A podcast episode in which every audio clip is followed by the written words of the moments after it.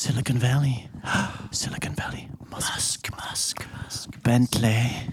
Bentley. Starship, Starship. Oké. Oh. Dit is een podcast op wetenschap gericht. Wij zijn zelden van onwaarheden beticht.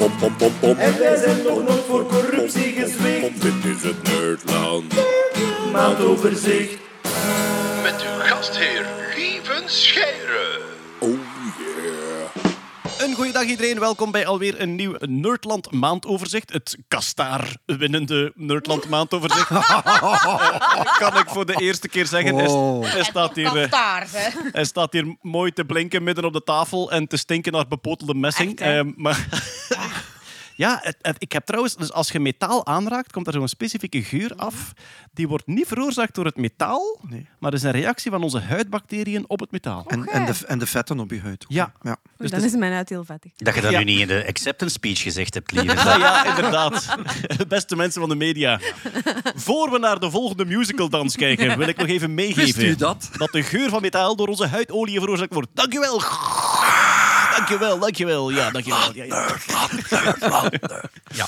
Eh, goed, eh, maar eh, we gaan dus het wetenschapsnieuws overlopen dat ons de voorbije maand het meest is opgevallen. En wij, dat zijn deze keer Els R., Hallo. Bart van P., Dag iedereen. Natta Kerkhoffs, Lucas. Peter Berks Hey. en Hetty Helsmoortel. Dag, lieven. Het is vandaag dinsdag 27 februari en we zijn er helemaal klaar voor. Eerste nieuwsje, we zijn bijna jarig. Ah ja. Op 9 maart worden wij 7 jaar oud. Wauw. Eh, Crazy. hoe weet ik dat? Omdat Ja. we onze vijfde verjaardag compleet gemist hebben. En ik op dat moment dacht, tja, wanneer waren we eigenlijk vijf jaar oud? En dan heb ik gezien, 9 maart is de eerste aflevering online verschenen. Maar dat was de tweede opname. En de eerste opname die staat ergens op een harde schijf in het gigantische rommel van mijn huis. Maar die weet ik dus niet meer staan. Ik weet dat ook, omdat ik zeven dagen later bevallen ben van mijn zoon. Juist, ja, inderdaad. Dus die wordt zeven. Hè. Ja, ja. Waren jij er de eerste opname ook Ja, bij? ja. En waar was die, weet je dat nog? Eh, aan de Dampoort. Ah, de studio aan de Dampoort ook. Ah ja, oké. En de tweede was dan met Diederik Jekel, hè? Dat is de eerste die online staat. Ik denk het wel. Misschien vind ik ooit die eerste... Het die beseft nu dat er pas de tweede bij Nee, is. nee, nee, nee, nee, nee. Nee, want ik heb gekeken naar de stad in mijn agenda. En dat heette toen nog This Month in Science. Dat is juist, toen we nog internationale ambities hadden. Dus er is een eerste aflevering die nooit online gekomen is, waar Voilà. ik wel bij was. Ja. Misschien vind ik ze ooit en dan eh, kunnen we daar ooit wel eens mee lachen. Hè. Maar niet alleen wij zijn jarig, ook de dinosaurussen zijn jarig. De dinosaurussen zijn 200 jaar oud. Ah. Yay. Klopt, klopt. En wat bedoel ik dan, eh, Peter, als ik zeg dat de dinosaurussen 200 jaar oud Eerste zijn? fossiel beschreven.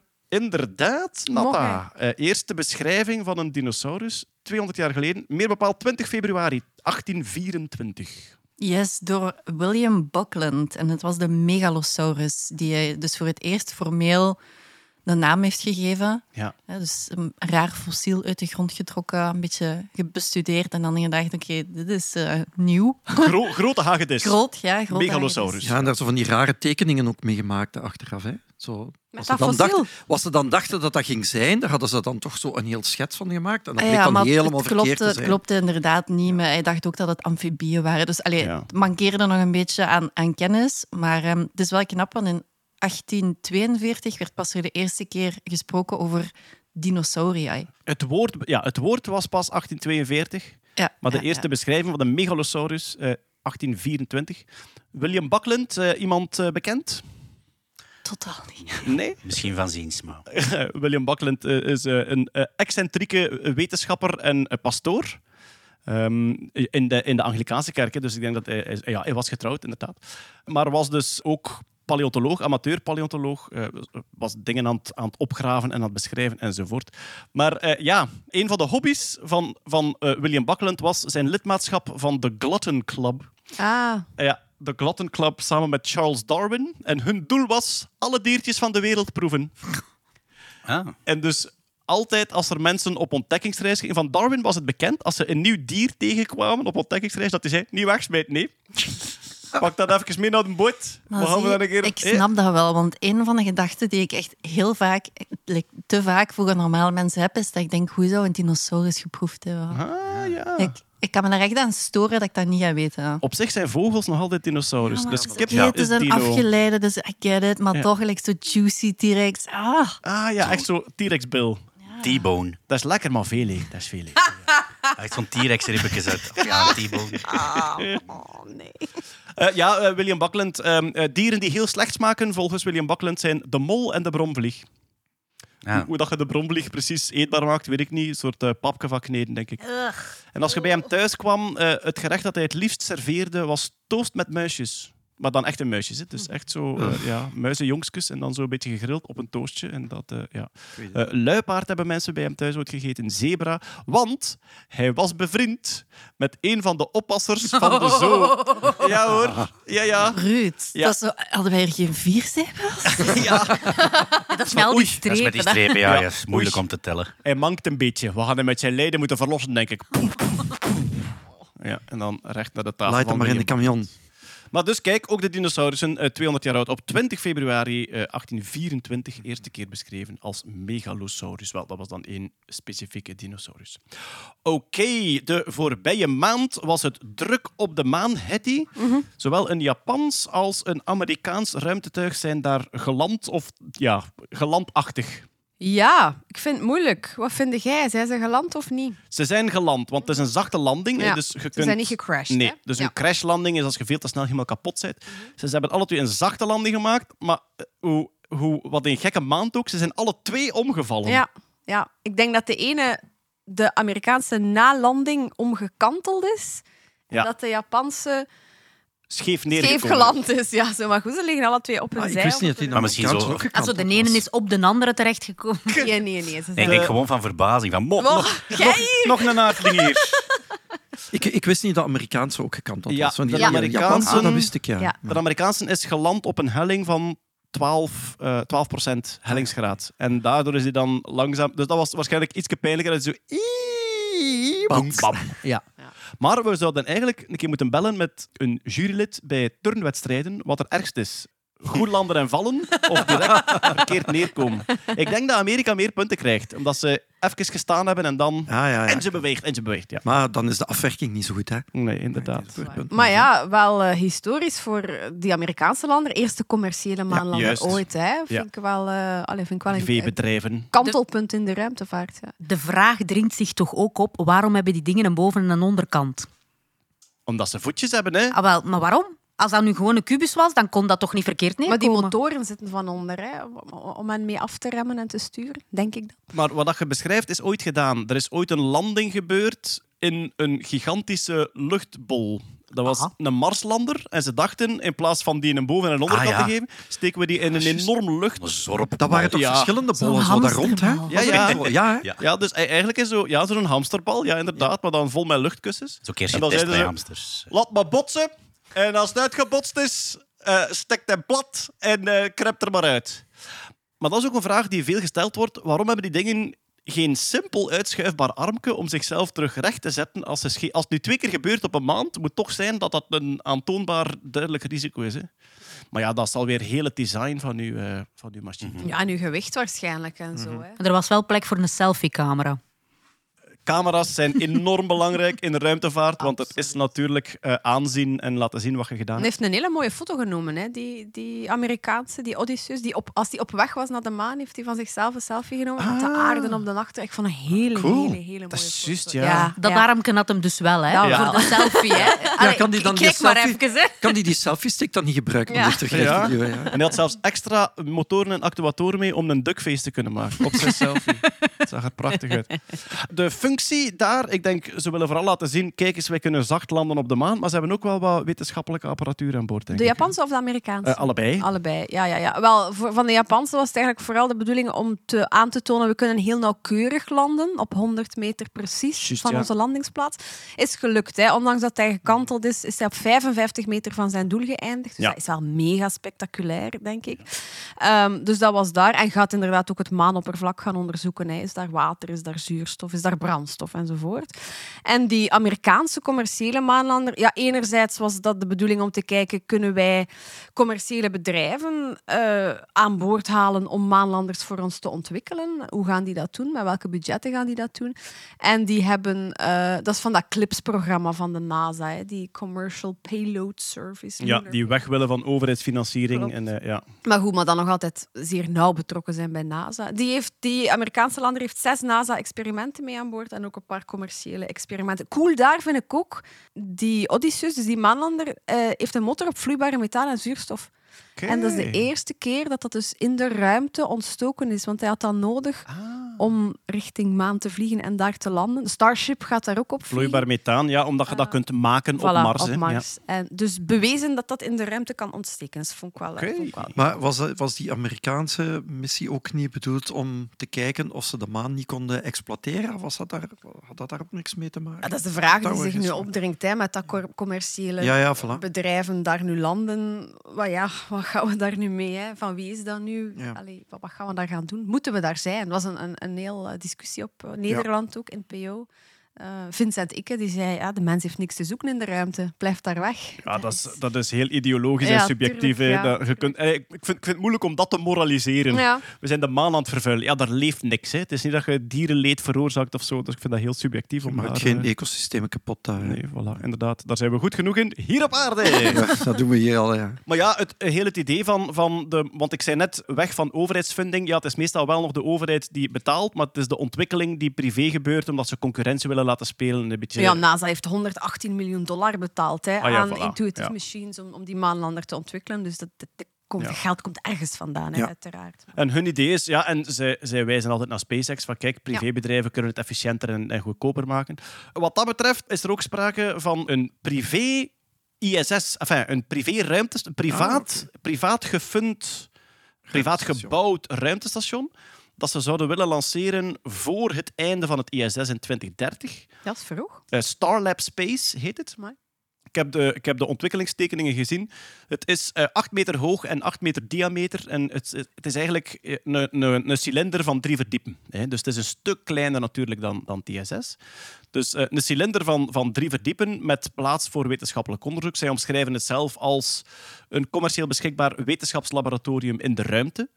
En het wordt momenteel ontworpen om gelanceerd te kunnen worden met één Starship-lancering. Dus ze zouden één enkele lancering zou. Hoe? Er zijn vroeger al Ah, ruimtestations. Starship, ja, uiteraard. Starship, ja, de, ja, de, de grote. Ja. Ehm, er zijn vroeger al, als- al ruimtestations geweest van zowel de Russen als de Amerikanen die met één lancering vertrokken. Maar ja, dat waren eigenlijk ja, echt blikken dozen, hè, waar dat je zo net genoeg plaats had om te manoeuvreren. Maar dit zou er een worden van ja, 8 meter op 8 meter, dat met één Starship-lancering eh, ter plaatse zou gebracht worden. Het zijn ehm, plannen, hè. het zijn vroege plannen, maar het past wel allemaal in die private ruimtevaart, eh, ja, dat programma dat ze verder willen stimuleren. Oké, nog ruimtenieuws. Eigenlijk zowel triestig als fantastisch goed nieuws. Ingenuity, Oh, de, ja. de Mars-helikopter, heeft zijn laatste vlucht gemaakt, maar heeft wel een indrukwekkende levensspanne getoond, Nathan. Ja, maar het is een beetje triestig. Het is zo alle interplanetaire robotvriendjes die doodgaan. Zo, is toch zo, het kerkhof wordt groter en ik vind dat triestig. Ja, kijk, ja. Maar het was inderdaad eh, ja, een fantastisch doel, meer dan bereikt met Ingenuity. Het was de 72e vlucht. Bijna drie jaar op Mars geweest. Drie, ja, is dat al drie jaar geleden? En, ja, en in totaal is dan een 20 vlieguren gemaakt. Wat exceptioneel is, want eigenlijk het hele idee was gewoon basically een demo doen om te zien dat dat lukt. Maar ze zijn daar ver voorbij gegaan. Ja. Ik weet dan nog dat wij, als we de eerste demo-vluchten aan het bespreken waren, dat we zeiden van ja, het zijn er nu drie geweest en dat is eigenlijk al een succes. En ze zijn heel blij dat ze er nog kunnen doen. En zien nu, 72 Ja, ja, ja, keer. Dat, is, dat is echt crazy. Waarom is hij dood? Eh, uiteindelijk is die, heeft hij een redelijk zware landing gehad en is een van de vier essentiële rotoren Ah. is, eh, beschadigd geraakt. En ik kan niet meer vliegen. Oké. Maar hij leeft nog. Ik kan gewoon niet meer vliegen. Ja, ja. Oh, ja. tof. We kunnen wel nog dingen opsturen of Ook wel, zo. ook wel een beetje nog triestiger misschien. Ja. Maar ik zou, allee, als er zo ene rotor kapot is, dan zou ik die toch euthanaseren door psychisch lijden. Zou dat niet? Ene ro- zoals met drie rotoren blijven voor. ja, nu is dat precies of die hangt zo nog aan de ja.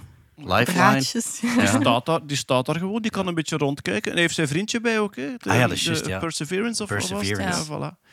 Het is, nu wel, het is nu wel jammer dat Ingenuity dood is nog voor mijn Lego Ingenuity af is. Want staat, die staat al, Dat een- wordt wel tijd nu. die staat al een jaar te wachten om, hem- om hem af te Je werken. wordt dan in memoriam. Ah, ja, voilà. Kunnen die maken met zo'n één rotortje. Ja, erbij. ja, ja, ja. Ah, ja. Oh. Ik kan een rotterken afble- afbreken. Dat is goed. Als er foto's zijn van de kapotte Ingenuity, dan ga ik mijn Lego kapot maken dat er exact op lijkt. ik heb onlangs iemand tegengekomen op het internet en die heeft zo, net als ik, uiteraard het Lego ISS staan. En die kijkt af en toe kijkt hij online hoe dat de zonnepanelen gericht staan van het echt ISS en dan klapt hij zijn zonnepanelen. Ja, ja. Damn. Ik zag hem bezig en ik dacht, ik dacht direct, ja, Dat moet ik ook dedication. doen. Ik, ja, ik wou dat ik het verzonnen had. Maar jij hebt daar toch echte zonnepanelen op gezet, hè? Ik heb daar echte zonnepaneeltjes op gezet. Inderdaad, dus ik kan, ik kan ehm, voltage halen uit mijn ISS.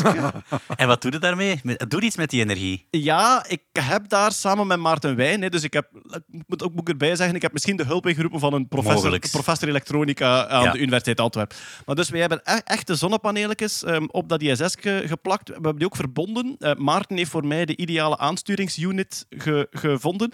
En dus ik kan daar een, een externe batterij op aansluiten en mijn gsm. en dus als ik dat heel dag in de zon laat staan, dan laat hij langzaam die externe batterij op. En als ik dan mijn gsm erin steek.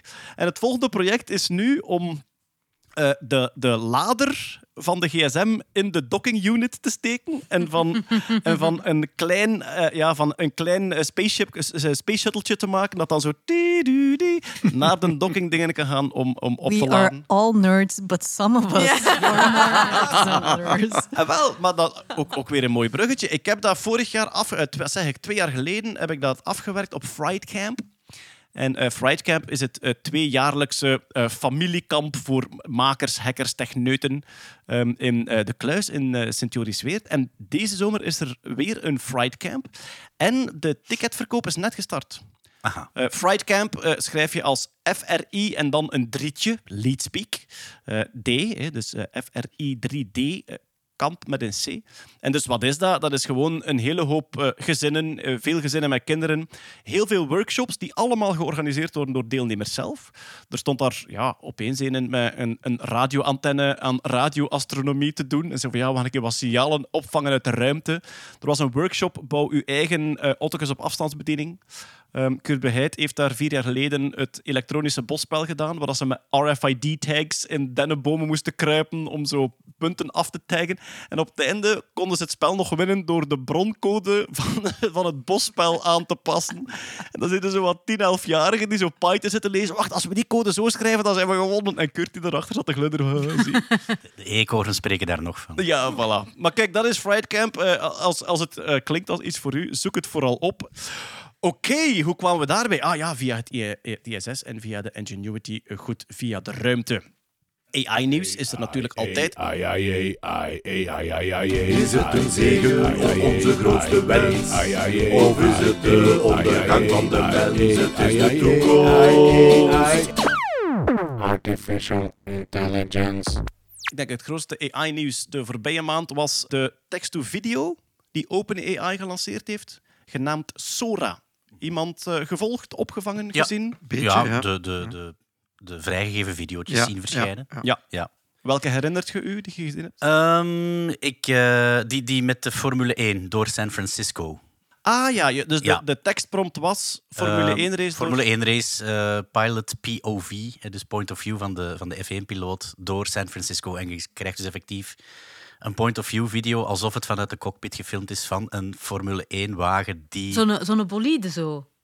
Zo, Ah, wel, Zo'n zo'n laag bij de grond. eh, Formule Ja, 1, hè? ja, ja, ja. ja, ja. Ja. Dat kan En- toch helemaal in San Francisco niet rijden? Ah, wel, maar dat is, dat is generative AI. Hè, dat die Ja. dat, nu, als, als zij Monaco kunnen rijden, dan is dat ook echt in de stad, de Formule 1 race. In Las Maar- Vegas hebben ze ook gereden. Maar ik pas- kon bijna in San Francisco niet rijden met een gewone auto. Ah ja, oké. Ga op en af, hè. Ah ja, juist. Ja, dat is echt gigantisch. Te hard over de veteranen en daklozen. Dark. Het is gewoon, ik zeg gewoon iets dat waar is. Het is een informatieve podcast. Ehm, maar dus, ehm je tikt gewoon in een beeld van een vanuit de cockpit van een Formule 1-auto die door San Francisco rijdt. En dan, net zoals eh, text-to-image, geduwd op enter, dat ding rekent en dan maakt hij een filmpje van een paar seconden Ja. waarin Maar dat te zijn zien dat de is. allerbeste resultaten? Heeft iemand het zelf al gedaan? Ah, wel, Kun dat is het al het. doen? Nee, het Nee. staat nog niet publiek. Het staat nog niet publiek, dus, dus inderdaad, het kan enorm gecherrypicked zijn wat dat OpenAI laat zien. Nu, Sam Altman heeft wel een paar prompts aanvaard van Twitter-gebruikers en die uitgevoerd. Oké. Dus het is niet dat het zo gecherrypicked is dat maar één keer op duizend werkt. Dat is ook al zeker. Ze houden het nog binnen omdat ze het eerst willen red team testen. En red team testen, dat is ja, een groep mensen die kijkt van hoe kan ik dit misbruiken, hoe kan ik hier fake news mee maken, hoe, hoe kan ik hier gewelddadige beelden mee maken enzovoort. Dat proberen ze om dat allemaal te kunnen eh, afblokken in hun software. Hoe lang dat gaat duren is niet bekend, dus het is niet bekend wanneer dat het voor de eh, betalende gebruiker zal opengesteld worden. De resultaten zijn indrukwekkend als je er weinig van verwacht. En als je perfectie verwacht, zie je altijd weer enorme fouten. Ja. Zoals bij dat Formule 1-filmpje ook. Ja, inderdaad. Daar zie je bijvoorbeeld dat het stuur wild heen en weer gaat. eh, alle kanten op, terwijl de wagen heel mooi zijn eh, raceparcours blijft volgen. Ja, dat is natuurlijk iets dat op geen enkele manier juist kan zitten. Hè, als je, als je ja. bedenkt hoe de technologie in elkaar zit. Inderdaad, dat is de logica zelf. Hè. Die, Ja. die, die AI kent dat patroon van de beweging van stuur Mhm. En kent dat patroon van hoe de auto door de straten rijdt, Ja. maar linkt die twee totaal niet aan elkaar. Nee, absoluut niet. Nog Nee. niet. Nog niet, inderdaad. Ik denk Nee. dat dat wel, denk dat dat, denk dat dat ook weer te trainen, maar dat is altijd de vraag, waarop is het getraind? Hoeveel, Ja. hoeveel beelden hebben ze laten zien? En dat is iets waar, waarmee dat je mensen die wat bang zijn van AI en wat dat, dat allemaal gaat doen, gerust kunt stellen, denk ik. Je hebt dan de mens nodig die dat, dat inzicht heeft van kijk, er is hier een verband tussen die wielpositie en die stuurpositie. En die moet daarbovenop een nieuw leeralgoritme gaan implementeren. Dus die hardcode Ja. een leeralgoritme en dat gaat dan leren. Maar je hebt nog altijd een mens... Er is nog altijd een mens aan het hardcoden. Hè? Dus Ja. dat is... Er is een mens aan het zeggen, zo Ja. ga je het kunnen leren. Of eigenlijk, beter gezegd, volgens dat ik gehoord heb van de AI-ontwikkelaars waar ik mee gesproken heb, er is de mens die denkt, ik hoop als je dit doet, dat het Ja, lukt. En voilà. één keer op honderd lukt het dan. En dan weten ze niet waarom, maar het is wel gelukt. Dat is eigenlijk een beetje... En dan kun je beginnen afvragen, die stap dat wij nu net beschreven hebben, is dat iets dat automatisch uit een leerproces kan vloeien? Het Maar inzicht ooit van, ik moet hier een, zelf een nieuw leeralgoritme gaan schrijven. Misschien. Misschien, Misschien. ooit wel, maar bon, de, de filmpjes die nu gereleased zijn... eh, mijn favorietje is eh, twee piratenschepen die vechten in een Ja, tas heel mooi. koffie. Dat is wel mooi. Ah ja, In wat? In een tas In een koffie? tas een koffie. Ja, dat is wel een mooi beeld. Ah. Ja. En wel, en niet alleen omdat het, omdat het visueel mooi was, maar ook omdat het een tof idee is. Het is een speels idee van de prompter om te zeggen, dat wil ik nu een keer, dat wil ik nu een keer maken. Had ook zo een verjaardagsfeest met mensen die applaudisseerden op de achtergrond en het hand van één vrouw veranderde in de arm van iemand anders. Hè? Omdat ja, Ja, uiteraard. in een bepaald frame hebben ze gewoon die, die, die huidskleur vlak bij elkaar en dan in het volgende dat frame... flipt, ja. En ook, er is een vrouw die door een nachtelijke stad wandelt. In Tokio, ja. ja. En op een bepaald moment kruisen haar been. Dus ze zet Ja. haar linkervoet vooruit en halverwege verandert dat in haar rechtervoet. Maar er zijn, er zijn heel veel eh, grappige effecten. Er is ook een filmpje waarbij een stoel uit het zand gehaald wordt. En dat wordt door een man of vier gedaan. Op een gegeven moment wandelt één van de jongens achter een andere jongen door. Op die moment is er pixelmatig geen enkele aanleiding meer om iemand langs de andere kant van die event te beginnen maken. Ja. Dus dat is weer zo'n globaal verband dat zo'n AI niet snapt. Eh, wel, eh, want Jeroen vindt het heel jammer dat hij er niet bij is. Omdat ja, vanuit zijn grafische achtergrond, computer game graphics, waar dat hij eh, Mhm. op het doctoreren was, ja, ehm, is dat natuurlijk, heeft hij daar heel veel over te zeggen. Sorry voor alle fouten die we gaan maken, Jeroen. ja, maar volgende, volgende maand zal er ook wel Sora nieuws zijn. Een discussie die ik zag passeren, waar Jeroen hem ook in aan het mengen was online, was eh, sommige mensen die zeiden van ja, om dit soort beelden te maken, moet je toch een soort 3D-representatie ehm, in, Ah, nee. in de achtergrond laten draaien. Maar de fouten bewijzen van niet eigenlijk. Ah, ja. Inderdaad, want met een 3D-representatie zouden die benen niet van kant wisselen. Dus Nee. alles wijst erop dat effectief het renderen van 2D-frames is dat hij geleerd heeft. Het, het- als ik het goed heb, is het een zeer, zeer complex en zeer, zeer gedetailleerd correlatiemodel tussen pixeltjes eigenlijk. Ja. Correlaties, correlatie, correlatie tussen bit, bitmapwaarden. patroonherkenning is, is de huidige golf van AI, is patroonherkenning, eh, inderdaad.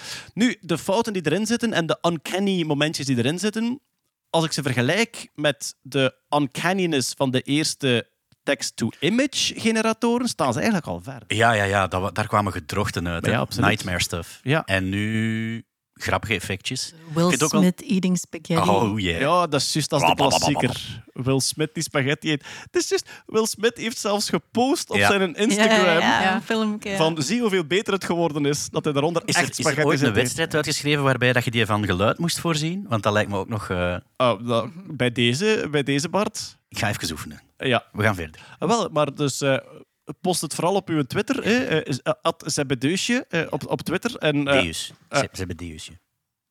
Zebedeusje. Ik Zebedeusje. zeg ook wel altijd Zebedeusje. Ah, maar het is. Zebedeus, dat is de broer van Jezus. Kennen jullie Zebedeus niet? Nee. Ah ja, oké, maar lees het testament uit uh, Is dit apocryfe? Want in, in het gewoon nieuwe staat de broer van? Jezus, ja, ja. Staat hij in het gewoon nieuwe testament? Ja, Ik heb dat gelezen. Ja, staat er allemaal in. ja. Dat klinkt wel wat cooler dan? Deusje. Ja, Zebedeus. Oh god, je hebt gelijk. Maar Voilà. Ik Straks, las dat nu wel altijd als Zebedeus eigenlijk. straks beginnen we over, over Lilith en over alle andere... eh, eh. Oeh, en vader van Jezus, apostelen Johannes en Jacobus. Ah, dus dat waren zijn neefjes of wat? Oh, toch gaan we weer nog is gemakkelijk voor een tafel te vullen, hè? Ja. Voordat je het weet, babies. voordat je het weet, zit Rick Tors aan de podcast ook. Hè? Ja, inderdaad. Zebedeus was Ik heb gehoord dat jullie het over Zebedeus. eh. Ja, inderdaad. Ja, ja, ja. Nepo, eigenlijk was Jezus toch de ultieme nepo-baby. Right? Ja, Zoon van God, uit de weg iedereen. Ja, maar zeg. Uh, neefjes een beetje aan tafel zetten, jongens. Ja, voilà. Oké, maar kijk, eh, eh, ehm, text-to-video is waarschijnlijk de volgende stap in AI. De, Kwamen we bij Jezus. ah, via zijn Twitter. eh, via, Zebedeus, hè? Ja. via- Voeg al eens graag een christelijke notus. Zebedeus. Oké, eh, voilà. Ja, tekst, text-to-video, het is het, het is het nieuwste ding. Ehm, er zitten nog grote fouten in de eerste resultaten, maar als de evolutie even snel gaat als text-to-image, dan eh, ja, gaan wij binnenkort... Maar, maar ergens was er bij mij ook een soort van gewenningsgevoel van ik ben niet verbaasd. Als de, de grote, moet ik het zeggen, de grote verbazing toen dat je voor de eerste keer die gewoon text-to-image, dus niet text-to-video, daar was de verbazing ultiem. En nu heb je zoiets van, ja, dat, dat kunnen we. Dat wist ik dat we dit konden. En wel, ik, ik heb het bij mezelf ook gemerkt met die een AI-show nu zo lang te spelen, waar dat ik redelijk wat ehm, met ChatGPT werk. Dus ik laat die verhalen schrijven, ik laat die een emotie in het verhaal steken, veranderen van emotie in dat verhaal enzovoort.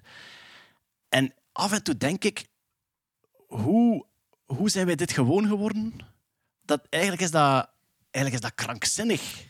Dat dat, dat, dat language model dat kan. Ja, maar het is hetzelfde als gelijk dat je computers, of ik denk de allereerste keer dat iemand demonstreerde wat een computer allemaal kan door Ja. op een knop te drukken en dan iets op een scherm te laten verschijnen, denk ik dat iedereen ook op zijn achterste poten stond Volgens en dacht mij van... is dat toch trager gegaan. Ja, ja, dat het trager gaat, daar ben ik van overtuigd. Maar en ik, ik denk, denk, ook... dat het ook wel helpt dat je nog de fouten ziet in de filmpjes en zo. Ah, waardoor je zo kunt, ah ja, ja, maar zie, bij- het is, bij de- wel nog niet... Bij GPT-4 wordt dat heel zeldzaam, hè, dat je die nog op fouten betrapt. Dat is echt, ja. ja. En zeker als die sonnetten begint te schrijven, dan denk ik van nee, dit kan gewoon niet. Jij, eh, we gaan u nu begraven ergens. Ik, ik, kan het zijn dat GPT luier is geworden? Ik vroeg onlangs zo, geef mij eens een minimalistische naam voor een restaurant. En die gaf één resultaat. Ja, maar ja, minimalistisch vroeg de... Ah ja, dat is. Eh, eh, dan, dan is hem dom. Dan Ja. is hem dom. ik weet dat niet, af en toe heb je van die beschuldigingen van eh, eh, GPT heeft een winterdipje, omdat hij geleerd heeft dat je in december minder productief bent. Eh, was het nu vorige week of twee weken terug, is hij een keer compleet geflipt? Ah ja, dat was vorige week. Ja, ja, vorige ja, ja. ChatGPT eh, had een soort beroerte. Is het echt? Daar kwam opeens onzin uit. Misschien moeten we eens wat, wat Ja, dat was tekstjes echt, opzoeken. echt nonsensicaal. Of hij was, eh, Ja, ja, ja. ja, of hij was Duo- Duolingo, of hoe heet dat, met Esperanto aan het leren. Ah, dat Spanglish. Ja, ding. Ah, Spanglish aan het schrijven. Ja. ja, ja. GPT-4 was aan het, aan het flippen, dus mensen stelden heel normale vragen en opeens kwam daar eh, gibberish uit. Hij is, eh, op een bepaald moment begon hij zelfs eh, Spanglish, dus, dus een mengeling van Spaans en Engels. Wacht hoor.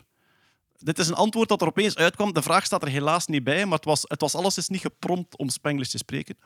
Of note, cada type requires un bita lampara bajo punto to enlucir off-fired of the photo setting waves, nestling products muy deeply as though a nana under an admin collar sombrero. Numa, jee. Sombrero. En hij begon er zelf, eh, zelfs eh, smileys, aan, eh, emoticons aan toe te voegen. Let me encyclopedize me, see there's more wanderenda to articulations hungry for smiley regenboogje gelakte nagels emoticon. Dat klinkt als bewustzijn, sorry, maar... Jawel. En, Ja, ehm, singularity, we're there. wat, wat zijn de geruchten? Want er is, Ja. niks, er is niks officieel bevestigd vanuit OpenAI. Ehm, je hebt in zo'n language model heb je iets wat de temperature heet. Ehm, vrij, de vrijheid die hij heeft om, om dingen te doen. Hoe, hoe ehm, zot dat hij kiest in de mogelijke mag- volgende ja, woorden. Je kunt dat ook instellen, hè? Ja, Jawel, als, ja. je op, als je op eh, Playground werkt, dus eh, de oude GPT-systemen, GPT-3 en zo, die hebben nog echt een, zo een lab-omgeving, Playground. Het is daar ook dat je je eigen bots kunt programmeren door ze te beschrijven hoe dat ze zich moeten gedragen. En daar kun je die een temperature-button nog verschuiven. En dus eigenlijk is het, principe vrij eenvoudig. Dat large language model is een neuraal netwerk dat mogelijke volgende woorden voorspelt. En die geeft elk van die woorden een percentage. Ja. Van, je hebt hier bijvoorbeeld... Je hebt hier, stel nu dat er staat, ik keek naar de kwispelende. Ja, ga hond een immens groot percentage hebben, maar misschien gaan ze er ook nog leeuw of olifant bij zetten of, of dat soort dingen met een veel lager percentage. Als je zegt, ik keek naar de bruine, ja, dan kan het nog heel veel dieren zijn. Dus voilà, inderdaad. Dus dan, dan Ja, dieren. zijn die percentages wel gelijk. En dus wat is uw temperature? Als je uw temperature op nul zet, dan kiest hij altijd het meest waarschijnlijke Ja. woord. En wat blijkt, daar krijg je hele slechte teksten uit. Heel eh, kil, heel saai en heel vaak met herhalingen, omdat je kunt in een loop terechtkomen. Altijd meest waarschijnlijk, meest waarschijnlijk, meest waarschijnlijk. Als je temperature op 1 zet, dan geeft hij alle mogelijke woorden dezelfde waarschijnlijkheid en dan gaat hij echt lekker wild gaan en dan komen dit soort teksten eruit. Ah, En dus dat is eigenlijk... zo gek dat die waarden op één staan. Ah, wel, de, ehm, wat er vermoed wordt, is dat bij de ontwikkelaars dat er een fout gebeurd is en dat dus GPT-4 een bepaalde tijd opengestaan heeft met temperature op 1. Ja. En dat je daardoor dit soort dingen kreeg. En dus, maar dat is ook weer zo zot aan dat emergent gedrag van dat, van dat ehm, neuraal netwerk. Door een beetje te zoeken met die temperatuur, hebben ze gewoon de sweet spot gevonden. Hier babbelt hij normaal. En, en waarom dat, dat dan precies is, dat weten ze ook niet. Maar het marcheert, dus laat het gerust. Dat is eigenlijk zo wat... de- dat is een complex systeem in een zeer wankele evenwichtspositie. Maar dat, dat is heel die alchemie van die AI. Ze kennen Ja. de ingrediënten en af en toe vinden ze een recept dat marcheert, maar waarom, Ja. dat weten ze niet precies. Het is gewoon door te zoeken dat ze opeens zeggen, dit werkt, dus laat het ons even, even zo laten. Klinkt als mijn amoureus leven. Dit werkt, we gaan niks veranderen. Ja, helaas spreekt de tegenpartij niet van alchemie. Bart. Sorry, dat is niet waar. Oh, zeg! Dat is niet waar, hé, wat ik daar zeg. waar. Dat is niet waar, hé. Eh, goed, ja, we kwamen dus van de OpenAI-kant. We blijven gewoon lekker in de technologie, maar dan de gebruikersgadgets. Hetty, jij hebt een Apple Vision Pro getest. Ja, Ah, wauw, echt? En ja. Goh, ik was heel sceptisch, maar ik ben nog nooit zo van technologie onder de indruk. echt waar? Ja. Je, je hebt Ja. een spotrobot gezien. Ah, dit was nog veel impressionanter. Meen Ja, echt waar. Ook Allee. impressionanter dan die spotje van een trap viel. Ja. Ah, wel, als je die, Toen was ze vrij onder de indruk, dat kan ik wel zeggen. ah, wel, als je die een bril opzet, dan kun je die in een spot zien met die kras weggewerkt in, in Ah. augmented reality. Eh, voor mensen die niet Je mee kunt ook zijn... doen van verberg factuur. Is dat ook zo? Daar hebben we schuiven voor. Bart. Oh ja, oh, wat?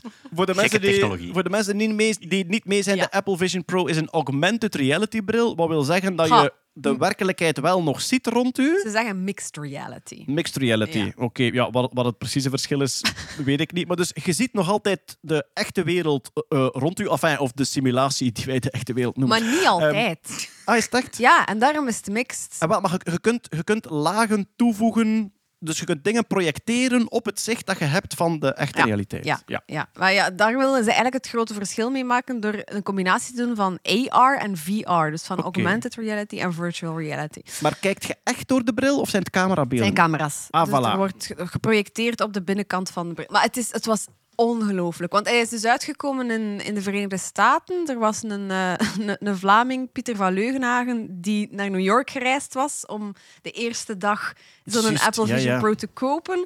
Die zat daarover in de tafel van Gert. Ik zit daar ook af en toe. Die had hem mee, dus ik heb hem daar getest. En eh, het is... Allee, wij hebben thuis... Wat hebben wij thuis, liefke? Zo'n... Oculus. Ik- Heeft hij ook camerabeelden van buitenaf? Maar zwart-wit misschien Wat is het Ja, verschil ja, met klopt, een... klopt. Want ik kan de zetel zien als ik er ga tegenaan lopen. Ja, Ja. voilà. Ja. De, de mijne heeft ook, mijn VR-bril geeft ook camerabeelden van de omgeving, omdat je dan kunt aanduiden waar dat hij wel en niet mag komen. Maar Ja. dat is heel korrelig en zwart-wit. En ik ben daar niet aan. Dat interesseert... Dat ga- Je hebt dat nog geen drie keer op je Nee, hoofd gehad. dat mij VR, allee, dat is Het super past cool. niet op Hetty haar rare dat hoofd. valt af en dat. Nee, en ik word daar misselijk Maar- van. En, Ja. Nee. Maar deze jongen, ik zette dat op. En, En- Wat is, er, wat is er indrukwekkend aan? Wat is er... ik, je zit het voelt zo intuïtief. Ja, ik ben natuurlijk Ja. een Apple-gebruiker, maar het, het is, allee, je krijgt echt je, je, gelijk je hele scherm dat je op je gsm hebt of zo, je mails, foto's, eh, WhatsApp enzovoort. Je kijkt naar een bepaald icoon, dan klikt je gewoon met je twee vingers tegen elkaar en dat gaat open. Dus Dus die heeft eye-tracking fuck, in dat de... is echt, het is Maar heb onwaarschijnlijk. je zo het idee dan, als je je omgeving ziet, dat je dat ziet of dat dat geprojecteerd nee, is? Nee, Ah, dat is totaal wel niet. cool. Je ziet dat en daar, daarvoor zit een laag met, met Ja. je icoon. Je kunt dat ook volledig wegdoen. Hè. Je kunt ook volledig in een video of in een game stappen en dat voelde zo realistisch. Ja, ik heb, ik, ik heb de, de, de Oculus 3 heb ik, eh, op mijn hoofd gehad. Heel compact, licht, licht ding. Eh, ik was echt aan het wenen omdat ik een 2 heb. En, en dat is een pak, pak lichter, een pak compacter. En het, het, voor zover ik het hoor, heeft het een beetje dezelfde insteek zijn. Het is, ehm, je krijgt door camerabeelden je omgeving te zien. Ik heb daar een spelletje in gespeeld dat eruit bestond om de realiteit weg te schieten. Dus je schiet eigenlijk de omgeving waarin je staat, bijvoorbeeld deze ruimte waarin wij podcast, je schiet dat weg. En langzaamaan merk je dat dit eigenlijk ingebed staat op een planeet. En dat, is, dat, dat was fantastisch. Ook omdat, dat is, dat is heel slim. Dat herkent zijn omgeving automatisch en heel goed. Bijvoorbeeld, op een bepaald moment werden er balletjes op mij afgevuurd. En je ziet, die deur staat daar op een kier. Dat balletje kan daar doorrollen en verdwijnen achter die hoek. Dat is wel cool. Dus dat was, dat was, en, dat was enorm cool. En, en dus nu ben ik mij aan het afvragen, want ik heb dan die Oculus Ja. 3 op mijn hoofd gehad, van wat is het grote verschil? Ik, ik heb bijvoorbeeld niet zo die, die, hoe moet ik het zeggen, die, die virtuele browser die het eigenlijk is, want daar heb ik heel veel demofilmpjes van gezien. Hè. Uw WhatsApp open daar, Ja. uw mails open daar. Je kunt zelfs zeggen van, in mijn, in mijn living zet ik een scherm met de voetbal op en dat staat daar altijd. Als Ah, ik ja. in mijn living, living binnenkom, Virtueel dan. ja, al- er is altijd voetbal aan het spelen op een groot scherm. Zo, ik kijk geen voetbal, maar, maar zoiets. Maar je kunt dus in je zetel gaan zitten en zeggen: Ik zit nu in de cinema. En die projecteert een volledige Ja, cinema ja. met publiek rondom u waar dat de film Dat speelt. Ja. helemaal geen app. publiek. Ja. Nog beter, ja, inderdaad. Ah, wel, Jo- Jonas, zijn, Jonas heeft zijn killer-app al klaar voor de Apple Vision Pro. En dat is Alle ehm, mensen weg. Opgeruimd huis. Ah, ja, ja, ja. ja. Maar dat Je scant, je scant je huis en als het opgeruimd is, je komt beneden, het ligt rommelig, je duwt op een knop, opgeruimd huis. Ja, maar wacht. ehm, ehm, ehm, Is het Skype? Nee, niet Skype. Er is een of andere eh Zoom-call of... of, of Ja. Teams. Is Teams? Ik- Teams ik denk heeft het, dat hè? Teams, ja. Teams kan voor een opgeruimd, ge- opgeruimd huis gaan. hè. Ah, echt? Dat Ja, ja, ja. kunnen, ja. Ja, ja je, kunt, je kunt van je achtergrond vragen, eh, ver, ver, ver, verglad dat, versmoed dat. Je kunt daar ja, zelfs kunt dat Ik, ik ja. vorige week ook gezien dat er ergens iemand een filmpje had gemaakt en die had eh, zichzelf gepost dat, dat hij hem een, een tas koffie kwam brengen. Ja, Ja, zijn, heel zijn goed. Zie je dat achtergrond, Teams zijn achtergrond was zichzelf die hem een tas koffie kon Ja. brengen. Veel ja. mensen vinden dat nog wel eens heel grappig om daarmee... Oh, vind ik leuk. Vijf meetings per dag zo. Mm. Oh, hoeveel- maak, maak eens een, een boekje, eh, Nat, een- of een online blog van de Zoom-mopjes eh, Ja, die mensen ja, ja. gemaakt En dan nu terug over de aanbesteding van 60 miljoen. Een leuk filmpje hoor, maar... Maar Hetty, ehm, Apple Vision Pro is eh, eh, te duur voor de consumentenmarkt. Is het 3500 dollar. Voilà. Ja. Dus dat is geen, dat is geen game-ding, dat is geen huishoudtoestel. En daarom richten ze zich enorm op business Ja. en, en ja, eh, commercieel gebruik. hè. Klopt. Ja, inderdaad. Maar goed, ja, het heeft ook zo wat de nadelen van alle eerste generatie Apple-producten, heb ik de indruk. Er is een externe batterij via een kabel die nog zo aan uw oor hangt. Gaat maximum twee uur en een half mee. Dat vind ik wel weinig. Zeg hè. niet dat ze nog een nieuwe laadpoort verzonnen hebben. Hè. Zo, met, met, USB-Q. acht, pinnen- met acht pinnetjes die allemaal in een, acht pinnetjes in een ster hebben nu nodig. Ja. Maar ik verwacht wel dat dat nog gaat dalen. Eh, kijk, hij komt naar Europa begin 2025. Ik zou hem toch overwegen. Ik sta hier een zuchtende Els Aarts naast ons. Die dat al met een nekprobleem zit. Dat is zwaar. En, eh, Die denkt, onze oprit moet af, het mos moet van ons dak. Misschien, misschien is dat daarvan dat Kinderen dat moeten nog komt. studeren. ja, de schuif met facturen puilt uit. Ah, voilà. Maar je zet hier een bril op en die factuur is er weg. hè. Properhuis. En het mos is van tak, hè. kijk maar. Ja, ik krijg dat ook zo dystopische ideeën van, van iedereen die in zo'n schimmel-rommelkot zit met zo'n Vision Pro. En Ja. zo, nee, nee, dat is all fine. Zo. Zo dat brandend huis. This is ja. Ik zet die een bril op, dan is dat precies of die mensen van kind en gezin staan hier niet. Zoals de, ehm, de, de kortfilm More. Hij is 20 jaar oud of ouder, denk ik. Het is, het is kleianimatie. Met muziek van New Order eronder. En dat is, dat is zo'n kort filmpje waar ik, maar ja, goed, ik ben twintig jaar ouder intussen, waar ik enorm van, van allez, enorm fan van was, enorm van gedaan was. Het is een klein figuurtje en die zit in zo'n wat een dystopische wereld waar dat iedereen veel te hard werkt enzovoort. Maar het product dat ze bouwen is een brilletje dat je opzet, Ah, ja. waardoor dat je de blije wereld De roze bril. Dat is dat, hè? En hij heeft de ambitie, ik ga een nog betere bril maken. En dan... Het is ook zonder tekst. Het is heel kort. Het is maar, het is maar 10 minuten, denk ik. Ehm, eh, More, zo heet hij. En ik ben, ik ben altijd gepakt. Ik heb altijd zo'n beetje kippenvel, omdat het einde... Ja, ik ga het einde niet verklappen, hè, maar het is redelijk symbolisch ook, het einde. En, enfin ja... Eh, more, M-O-R-E. Ik, ik voilà. zie Kijk. misschien inderdaad ook wel, als je zegt voor, voor commerciële en business doeleinden, ik denk voor, voor mentale gezondheid, dat dat mogelijk ook wel dingen kan doen. Zo. Fobieën worden al getraind met VR. Ja. ja. De in VR, maar dat is dan VR, hè, daar heb je die mixed reality niet echt voor nodig. Maar in virtual reality zit heel veel eh, potentieel als tool in therapie of ook zelfs in Ja. brandwondencentra. Ja, ja, ja. ja, Dus ja. kindjes, kindjes met brandwonden die krijgen een VR-bril op en die worden in een ijslandschap gezet, zodanig dat de hersenen aanvaarden enorm ja. veel van die realiteit. Ja, ja, ja. En dus Ja. de, de, de, de pijnprikkel wordt gepercipieerd ja. of, of bijgestuurd naar koude Ik prikkel dacht dat ze dat ook al testen met bevallingen bijvoorbeeld en zo. Ja, of Ja. als voorbereiding op operaties, hè, dat je rustiger wordt. Maar dus dan denk ik, hoe realistischer dat is, hoe beter dat moet werken ook, lijkt mij dan. Hoe meer je hersenen Ah, kunnen... wel, Met die VR, ik, ik, eh, bij mijn vrouw in, het, in de instelling, eh, voor, daar zitten GES-jongeren, dus mensen met gedrags- en emotionele stoornissen, die krijgen soms een VR-bril om die te kalmeren. Ah. Daar zitten dan bepaalde dingen in, bepaalde beelden, die hen compleet tot rust kunnen brengen. Maar ook, ik had dat op en er was een paar weken geleden zo wat commotie over een, een meisje dat zich verkracht voelde in VR. Daar was toen heel veel onbegrip voor, Ja. had ik de indruk. Maar als je dit op hebt gehad, dan kunt u zo hard voorstellen Maar het dat Ik heb dat met, onze VR-bril Ja, maar nee, die Allee, valt van mijn hoofd. Dat is, dat, Maar het, het immersieve ervan, want als je denkt dat je geen fobieën kunt trainen in VR, ja, dan moet je de plank een keer doen. Hè. De plank is dat je eigenlijk Ja. op een hoge plank Ja, loopt die in VR. op. Tussen, ja, tussen een hoge gebouw. En dat is ongelooflijk hoe dat je je kop je zot Mhm. maakt, dat je toch hoogtevreden zit. Ik heb een angst ontdekt in VR. Ik eh, ben zo wel wat fan van American football, dus ik had zo'n spelletje gekocht. En dan zetten zo de quarterback en die komen dan zo rond u huddelen. En dat zijn allemaal van die gigantische mannen en die kwamen allemaal op mij af en ik had zo... "Ah!" Dus ja, ik heb er even moeten aan wennen. Ja, ik zou toch een psychoanalyticus Ja. zoeken. eh, eh, ja. Oké, de Apple Vision Pro, Hetty heeft hem al getest. Eh, ik, ja, ik kijk er naar uit. Ik kijk er naar uit om hem ook eens te kunnen eh, vastnemen. En te laten vallen op een spot. Ja, bijvoorbeeld. Ja, we hebben het er al een paar keer over gehad, over de Vesuvius Challenge, Challenge, Grand ja. Prize. Dus Yes. eh, kleine recap. Verkoolde eh, rollen die gevonden zijn, verkoolde boekrollen, waar dat ze niet kunnen aankomen of die verpulveren volledig. Die zijn ingescand met allerlei methodes, waardoor dat je eigenlijk een 3D-dieptebeeld krijgt. En de challenge was... Alle data van de scanners werden geleverd aan datateams, data-analysten. En de challenge was, kunnen jullie daar via het verschil tussen inktpigment en papierpigment terug de tekst uithalen?